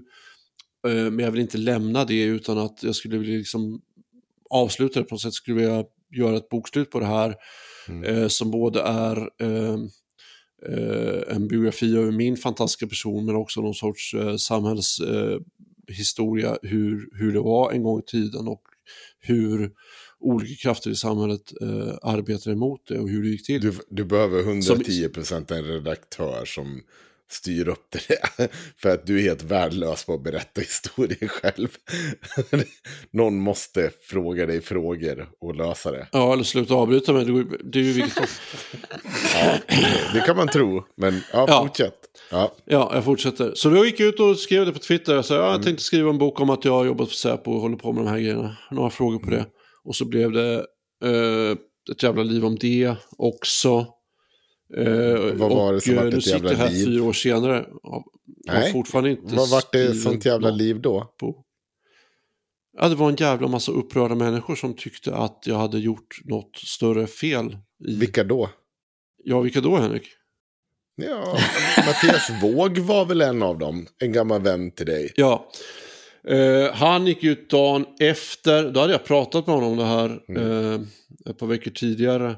Och jag hade pratat med flera andra också och det började liksom surras om det. Lite så, här, så att jag tänkte att okay, jag måste ta tag i det här själv, jag måste liksom berätta det själv innan, innan någon annan liksom läcker det här i förtid. För jag, jag ville liksom prata med vissa personer innan. Eh, så dagen efter att jag hade skrivit det så går han ut i ett avståndsmeddelande eh, på Facebook och Karl Horung Tullgren går ut på researchgruppen och tar avstånd eh, offentligt och sen en timme senare så är det Jag hörde inte, vad hette han? Karl? Tullgren. tror jag jag sa. Ja. Eh, skrev ett offentligt avståndstagande om detta eh, i gruppen som jag hade startat och drivit och som eh, har eh, nominerats till diverse olika priser enbart på grund av mig. Bara för att jag är så jävla fantastisk. Och en timme senare så hade 80 pers sagt upp bekantskapen på Facebook. Och Gud vad skönt. ja, då, kanske inte riktigt så jag kände då. Men sen nu, tre år senare, fyra år senare. Det är ju fortfarande ingen bok skriven, men jag har skaffat en redaktör, Henrik. Mhm. Och eh, det, det kommer nog ta sig det där. Tror jag. Tror Ja, jag att du så länge det inte är. Cissi Wallins redaktör så kommer det nog bli bra. Nej, men Hon är väl sin egen? Precis. jag trodde, jag har inte rört den här skiten på tre år eller fyra år. Jag trodde att det var 120 skönskriven prosa liksom. Som var skrivet i den här jävla psykosen, den här eh, eh, manin som jag hade skrivit i. Visade sig vara Men då ska det 3000 sidor. 68 sidor var det som var bra skrivet och resten var skit. Eh, men vad fan, jag har pengar, jag tar en redaktör, jag tar och fixar det där. Spökskrivare, det är inga konstigheter. Ja, nej. Du, jag känner eh, två författare som är ganska duktiga. Jaha. Mm, Det, det gör vi faktiskt som skulle kunna hjälpa dig med det här. Paret Grimwalker. Ja, precis. Det tänker jag också på direkt. De hade. Ja, nog vilka kunnat- andra författare känner både du och jag? Inga. Nej, inga. Men de är ju bra på det i alla fall. De, ja. Jaha. Ja, alltså jag vet inte, jag har inte läst en enda av deras böcker, men de, de skriver ju väldigt många böcker. De verkar ju sälja som kukar i solen. Så att eh, det måste ju vara bra. Alltså, jag kan, jag kan bara säga så här. Jag umgås med Martin eh, en del. Inte eh, mest av alla människor, men varje gång så blir jag så här på något sätt förundrad över den här. Alltså, eh, dels ett, att du inte har fått en diagnos. Det är ju helt sinnessjukt. För det Jag tycker inte att, eh, jag tycker inte att Martin behöver en diagnos. Geni är ingen diagnos, Henrik. Nej, men ändå. Du, du hade behövt det. Och det är säkert många som vill att jag ska ha en diagnos också. Du spöar ju dina kompisar för att imponera på nazister. Det är klart du ska ha en diagnos. Nej, men det är klart att jag ska ha en diagnos. Hur mycket tjänar du om året, Henrik? Ja, inte Hur många nog. gånger har du nominerats till, till Stora Journalistpriset, Henrik? Ja, inte Hur många gånger har du ens varit på Stora Journalistpriset? Har du Ja, vunnit en fan. guldspad åtminstone? Det har du väl? Nej. Nej, inte jag heller. Nej, men det är klart att jag behöver en diagnos. har, har, har dina bolag en omsättning på 30 miljoner, Henrik?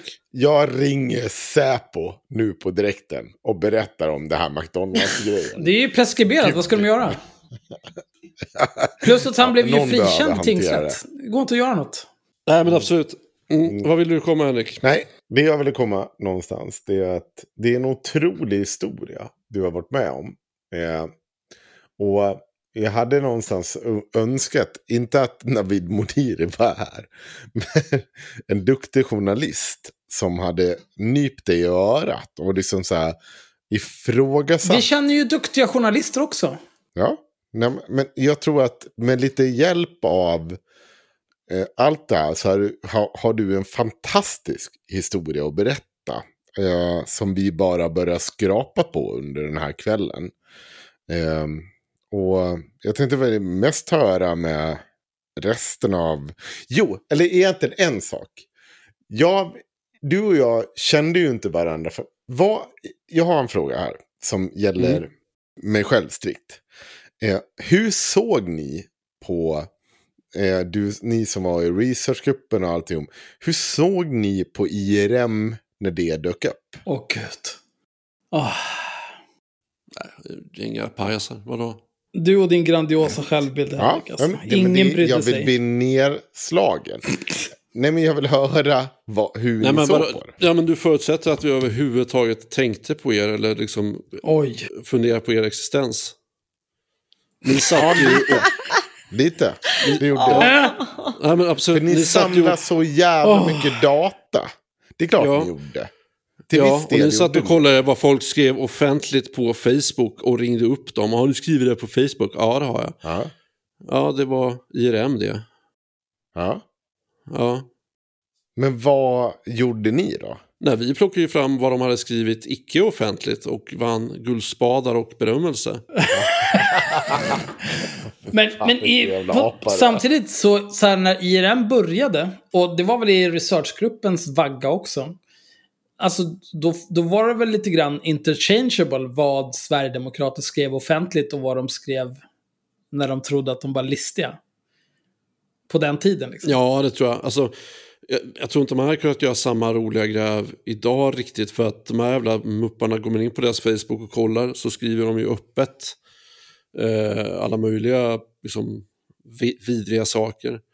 Eh, jag vet inte om det hade gett någonting idag. Vad säger, vad säger experten från IRM?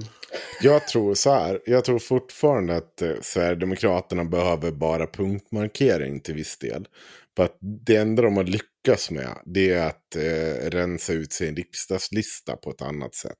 Och fått det till bättre folk. Men lokalt så är det tvärkört. Det är bara behöver punktmarkering.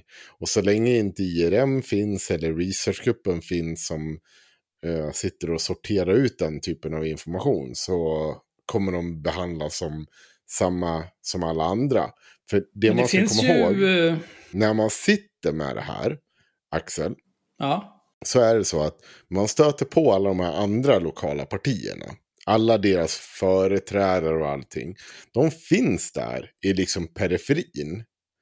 Men, men det, det finns liksom aldrig den här mängden av skräp som du hittar hos Sverigedemokraterna. Det gör inte det. Så att det Martin och de gjorde, det har jag liksom så här, det är sån enorm, alltså, sitt, alltså du kan stirra dig blind på folk domar. Men det kräver ju också att du behöver en förståelse för deras politiska samtid, vad de skriver om saker. Inte bara att de har blivit dum, dömda. För du skulle, om man hade, ha, ha, när man har tillgång till Acta Publica, då kan man liksom spendera dagarna i ända bara och skriva om olika politikers eh, domar. Det är inte ett problem. Allt från parkeringsböter till gud vet vad det är. Men att få Fan, dem att, alltså, att min registrera favorit. Vad de har sagt och gjort. Det kräver mer handfast arbete. Jo, Karina Herstedt Mm. är, är min absoluta favorit. Mhm. Jag tror inte att hon är aktiv i Sverigedemokraterna längre, men hon är golden. Jo, det är hon. Är hon det? Ja. Men det du är inne på där Henrik, det är att det sitter, alltså det krävs att det sitter ett gäng idealister och, och köttar på jävligt mycket. Liksom, Precis. På, ja, och det orkar man inte göra heller eh, i all tid. Det är en massa jävla Nej. administration. Och Det, det, är därför krävs inte en eller två- IRM är aktiva idag. Ja, och det krävs en eller två eh, liksom eldsjälar i varje sådant här projekt för att det ska gå runt. För det är massa annat som måste göras som Mm. inte är så kul också kring det. För att, det här, för att sånt här ska liksom få ett lyft samhälleligt också och inte bara vara eh, grundat på vad ett par liksom, ärthjärnor sitter och håller på med för att de inte har något bättre för sig. Det är, det är ju att eh, man på något sätt eh, kan leva på det eller att man kan sprida kompetensen så att andra människor kan ta upp det och göra det. Det finns liksom inget hinder för lokaljournalister att bli bättre på vad de gör till exempel. Och, eh, eller inte ens journalister, alltså vanliga medborgare ute i landet kan, kan sitta och ta fram jävligt mycket saker att göra men det måste finnas någon form av eh, plattform eller kompetens. Eller kompetens Som IRM alltså- gjorde. Herregud, Henrik. Ja, men herregud, ja. Skulle vi komma någonstans? Ta dig samman. Nej, Nej, men vi, ska vi säga så här? Jag vill ha en sista grej nu. Som nej, vi Mm. är långt ifrån klara. Vad håller du på med? Jag kommer avveckla mig snart. Ska du gå och dränka dig i poolen? Ja. Nej, men det är så här. Nu, nu har vi ju gjort en, en snabb eh, recap på två timmar och tolv minuter här av eh, allt Martin har tagit sig för i sitt liv. En tiondel. Oj, all, en tiondel av stordåden, okej. Tänk vad jag kommer Men- göra i framtiden. Men jag tänker så här. Eh, när du ser tillbaka på eh, din tid med, eh, säg från idag tillbaka till ditt politiska uppvaknande, alternativt eh, insikten att det är nice att slå nassar i huvudet. Mm. Eh, vad skulle du ha gjort annorlunda under den tiden? Om du får välja en till tre grejer. Ja, men grejen är att man inte kan göra det annorlunda. Det är ju gjort. Så att säga. Gud, vilket dåligt svar. Jag hatar dig. Men, uh, håll käften. men man skulle ju kunna göra de här sakerna och ha eh, lite mer långsiktig plan på vad man håller på med. Eh, kanske vara lite mer taktisk, eller snarare, eller taktisk var man kanske, men ha en övergripande strategi och se vart man vill landa framöver. Och jag, tror, jag, tror inte, jag tror inte att det behövs ett gäng ungdomar som går under en organisation och ger Nassa stryk. Det kan man nog åstadkomma alldeles oavsett. Jag tror att man kan orsaka väldigt mycket skada för en politisk motståndare om det är, om det, är det man är ute efter. Eh, på väldigt många andra sätt än att bara liksom utsätta sig själv för risken att åka in hela tiden. För Som, vad, skulle man, vad ska man göra då? Alltså om du, om du tänker, om, det inte, om vi inte pratar om eh, någon som du som kan data. Mm. Utan vi pratar om en vanlig person som typ du när du var 17. Mm. Vad skulle du ha kunnat göra annorlunda när du var 17 för att åsamka motståndaren mer skada än vad du gjorde?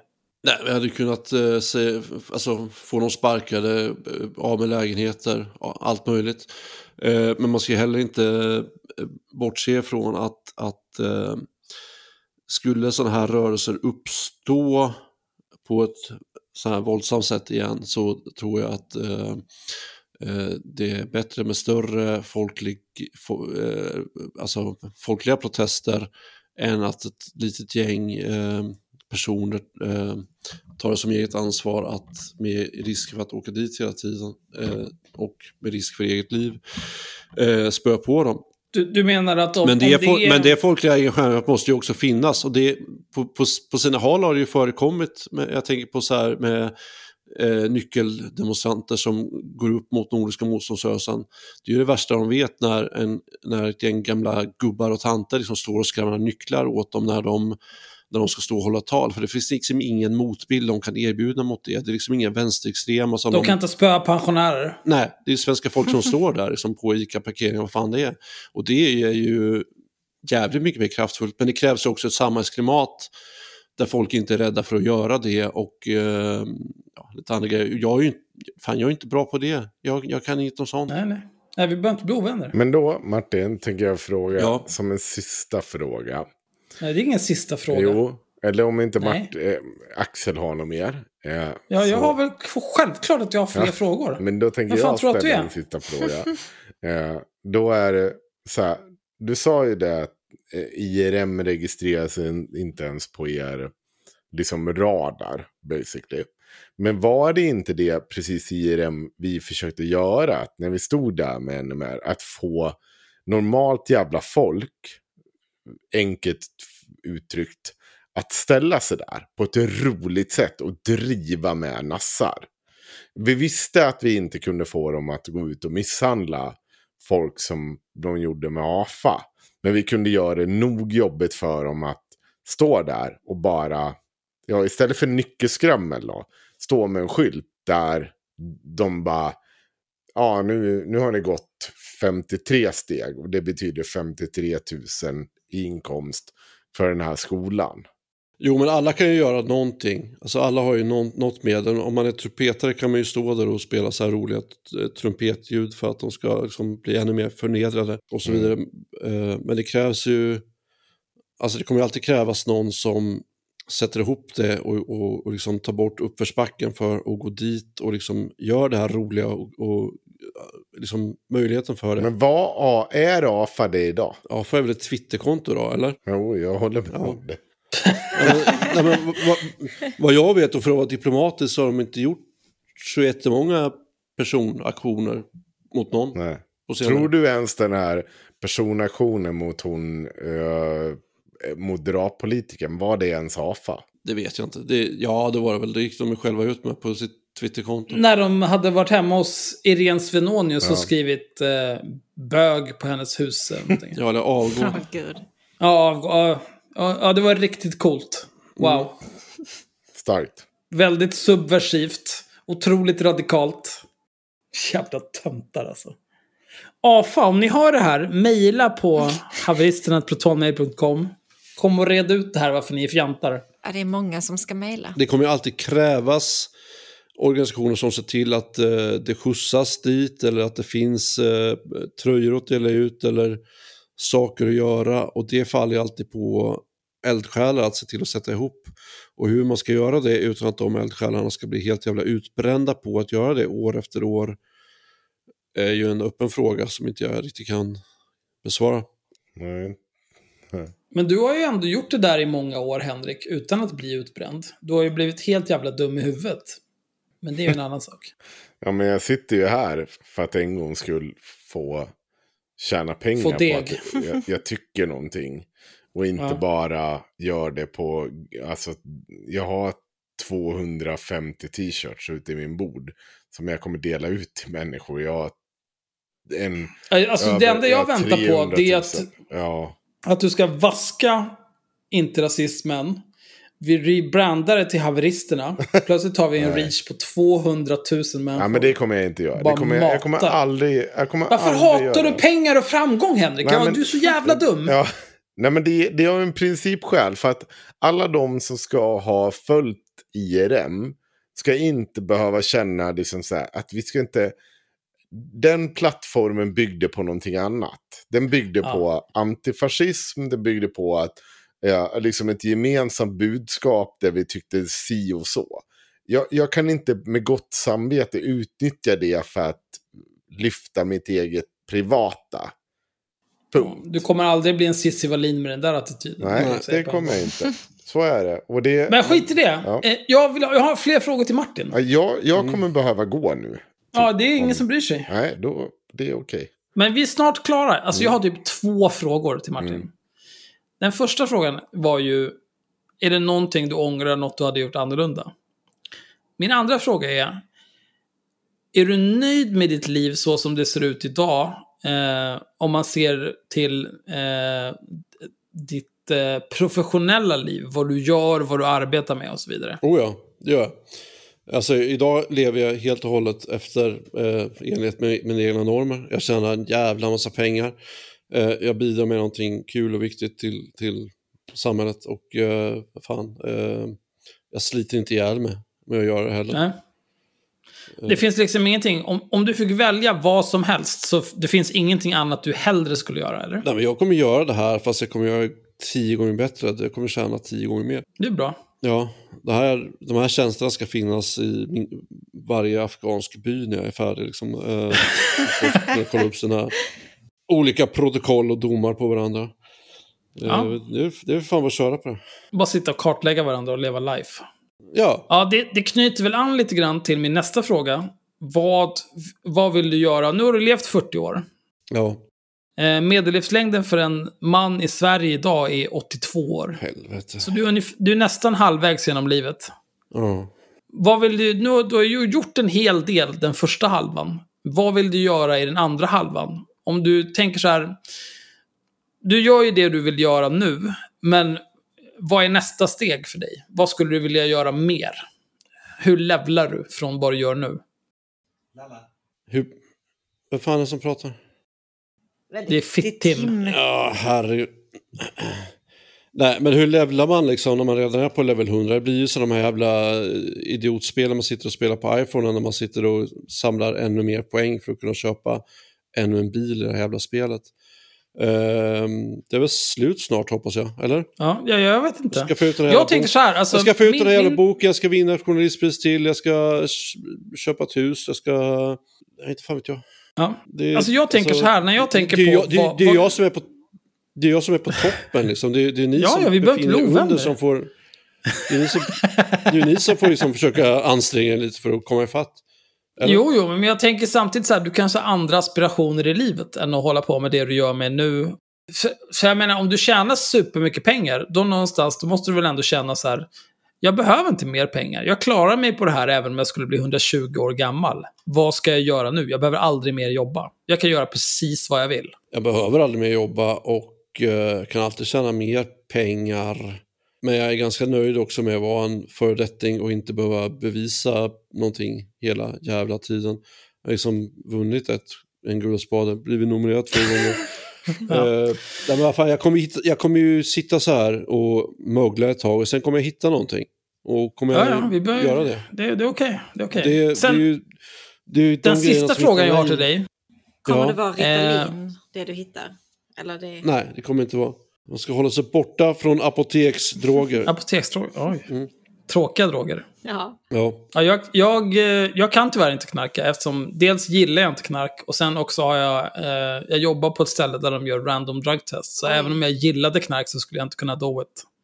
Så det är perfekt att jag inte gillar knark. Men är inte du egenanställd konsult? Jo, men de, Det där kan- det där de kan drogtestar in- konsulter också. Det kan du skriva in i ett avtal. Inga drogtester. Jag vägrar drogtester. Ja, det kommer nog bli jättepopulärt. Inte för att det spelar någon större roll. Man ska inte knarka. Nej. Nej. Bra. Bra. Min sista fråga till dig, Ja. det är... Du var ju med i en annan podd Just för det. nästan Var jag verkligen med Ja, i den podden? över ett halvår sedan. Du, du, har, eh, du har deltagit i en podd. Ja. Du har inte varit med i den kan man inte säga. Nej. Eh, den podden heter Den svarta tråden. Eh, och görs av Abdi Shakur. Vad, vad fan heter han mer? Ali? Ja, Nej, någonting. jag. Abduskur. Ja. Abdi Shakur. Eh, Abdi. Ni som vet, ni vet. Ni som inte vet, var tacksamma. Oj. Hur, hur var den upplevelsen? ja, den var ju jävligt rolig.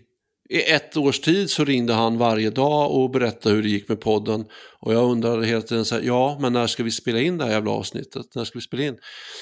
Eh, han ville ha mig till eh, premiäravsnittet, han ville liksom eh, ha kontrovers i det. Och så bjöd han in mig till det. Jag sa absolut, ge mig ett datum så kommer jag. Det han gjorde direkt efter det var att springa på AFAs 25-årsfest i Danmark eller något sånt där. Och säga till alla att han skulle ha med mig i den podden. Eh, och han bara, ah, men det här kommer bli sånt jävla liv om det, de kommer bli så jävla förbannade, det kommer bli jättekul. Jag bara, absolut, kör, kör, kör på vad fan du vill. Och de blev jätteförbannade på honom och de började säga upp kontakten med honom. Och han började hota dem tillbaka och de började hota honom tillbaka. Och någonstans där kände han väl han att, oj då, nu har jag spelat De är in... många fler. De, de är många fler.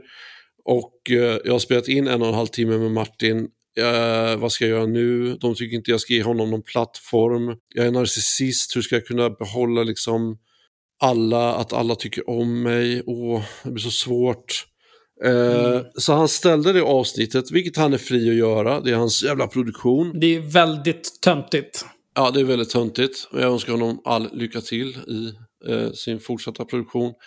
Men eh, sen vill han försöka hitta tillbaka in i de här kretsarna igen och vill bli accepterad igen då. Och det här är ju då efter att, han, eh, efter att jag har sagt åt honom så här, absolut, du, du gör vad fan du vill, men du går inte ut på Twitter eller någon annanstans och kallar mig golare, ditt jävla CP. Eh, då får jag påminna dig om att du bad mig att försöka bli rekryterad till MI6 en gång i tiden. Ehm, och jag kommer bli, jag, jag kommer bli skitjobbig mot, mot dig om du håller på så. Så bara så du vet. Ja, och så gick det ett halvår till. Kan du dra MI6-storyn? Nej men det, det var bara ren jävla galenskap. Han ville bara mejla till dem och, och bli anställd som infiltratör i liksom, islamistiska miljöer och få en lägenhet i London och sådär. Bara, men Bli gör- försörjd. gör det, eh, kör hårt på det, absolut. Men han har, han har ju sina bra idéer för sig ibland, så det, kör, kör på vad du känner för, absolut. Men så var det ett halvår till av härj och, och, och telefonsamtal hit och dit. Och till slut så gick han ut ändå och ville komma tillbaka in i AFA-värmen och gick ut på Instagram och kallade mig för golare. Så då sa jag, ja men det är det här som kommer hända. Och nu sitter han där och han får fortfarande inte komma in i värmen och avsnittet blir ändå inte sänt och jag vet inte vad han fick ut av det här riktigt. Jag tänker att man får väl, om man ska göra någonting får man committa till att göra det eller hålla käften. Mm. Eller? Ja, jag, Men det, jag- var, men det var jävligt kul för att det var ju en jävla massa människor som innan detta försökte stoppa det här avsnittet väldigt mycket. Det var liksom inte så att de sa till honom en gång att så här, om, du, om du gör det här så kommer inte vi vända med dig utan det var liksom, tog fem möten med honom och säg låt honom för all del inte sitta i en podd och prata för helvete. Eh, och det får väl var och en dra sin slutsats av varför det skulle vara så jävla farligt. jag, jag tycker det verkar lite konstigt för att... Eh, Det är lite vad, vad spelar det för roll? Ja, det är lite märkligt. För, jag menar, om man tänker... eh, Jag har ju hyfsad koll på i alla fall vilka som var med i researchgruppen till exempel. Eh, jag, jag har ingen koll på vilka du eh, jobbade med i, tillsammans med i AFA. Men jag tänker mig att det här är inte människor som har jättestor reach. Och som förmodligen inte är, är särskilt intresserade av att ha någon reach. Nej. Men, men de måste ju ändå begripa att om du vill synas, med tanke på de eh, bolagsengagemang och så vidare du har idag, de kontakter du har inom media, så, så är inte det ett problem. Då behöver du liksom inte Nej. vara med i Abdi Shakurs ruttna jävla podd. Nej, det är lite töntigt faktiskt. Jag har en plattform jag kan, jag kan liksom komma ut med vad fan jag vill. Men det, det var väldigt viktigt att det inte skulle sändas. Och eh, han, han visste ju det från början. Jag sa det till honom att, och, och han var helt med på det. Men han ville väl inte, han, kunde, han orkade väl inte committa. Och där blev jag faktiskt lite provocerad över att han var mer rädd för de här töntarna än vad han var rädd för mig och stöta sig med mig. Vilket var vad han gjorde i slutändan. Men vad fan, nu har han ju sin podd, han har bjudit in gäster och eh, det är väl bara att Ja, köra Alexander vidare. Bard säger ju att han ska åka dit och det tacka blir- ja direkt. Och han har nekat att varit med oss i podd. Men Ja, just nu- det. Kan vi ta, kan vi ta Alexander nej, Bard Axel. lite snabbt alltså, där? Jag rycker sladden. Nu. Jag rycker sladden. Alltså, ja, ja, Okej, Ja, vi tar Alexander Bard nästa avsnitt. Ja. Men, men Alexander Bard, alltså, din jävla kuck. ja, men din nu är det jävla dags kuck. att tacka för idag. Din jävla Ja, då trädgårdstomte till skäggiga jävla Ja. idiot. Då rycker jag sladden. Nej, Det gör du inte alls. Nej. Ta dig samman. jag Ta dig samman. Önskar Abdi Shakur all lycka till. Ab, eh, Ja. Alexander Bard, det kommer vara jätteunderhållande. Skulle vara jätteunderhållande för alla parter tror jag man var med i den här jävla idiotpodden också. Det Ja, varit- Abdi är mycket välkommen och mejla till haveristerna.protonmail.com. Eh, vi- vi har ju pratat i telefon du och jag Abdi, så att eh, du kan ju höra av dig. Oj.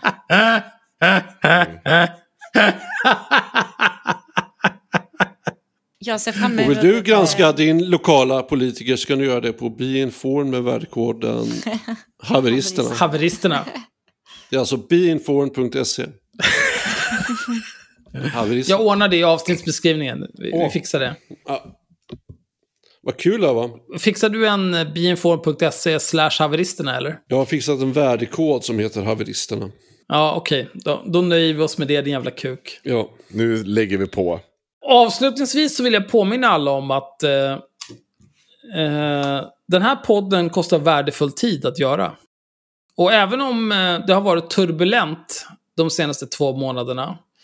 Eh, Patreon-avsnitten har lyst med sin frånvaro den senaste månaden.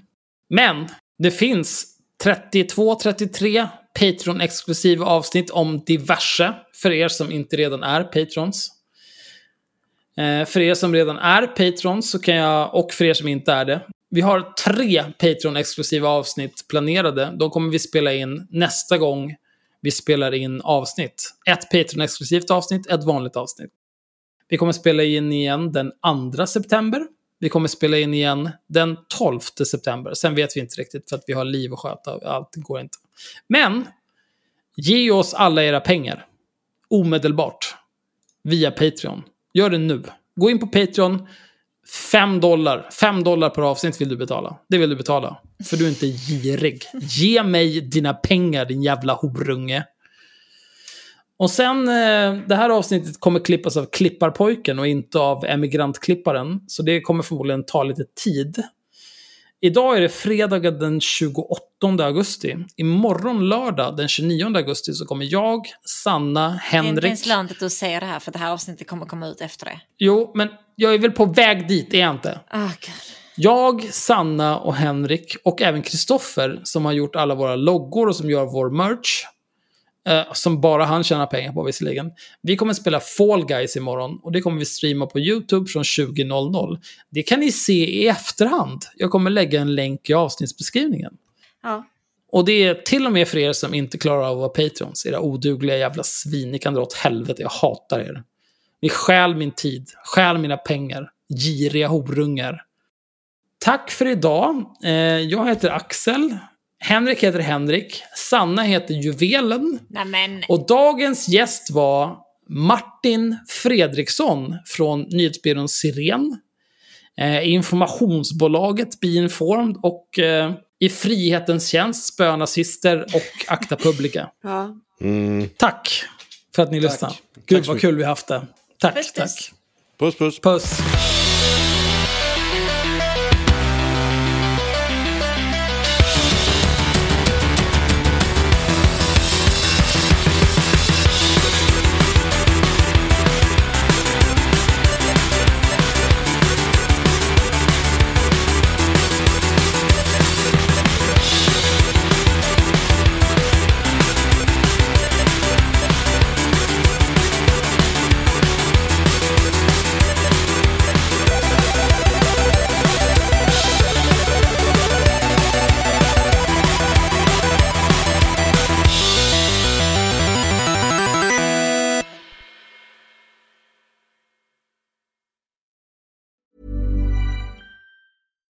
Hi, I'm Daniel, founder of Pretty Litter. Cats and cat owners deserve better than any old fashioned litter. That's why I teamed up with scientists and veterinarians to create Pretty Litter.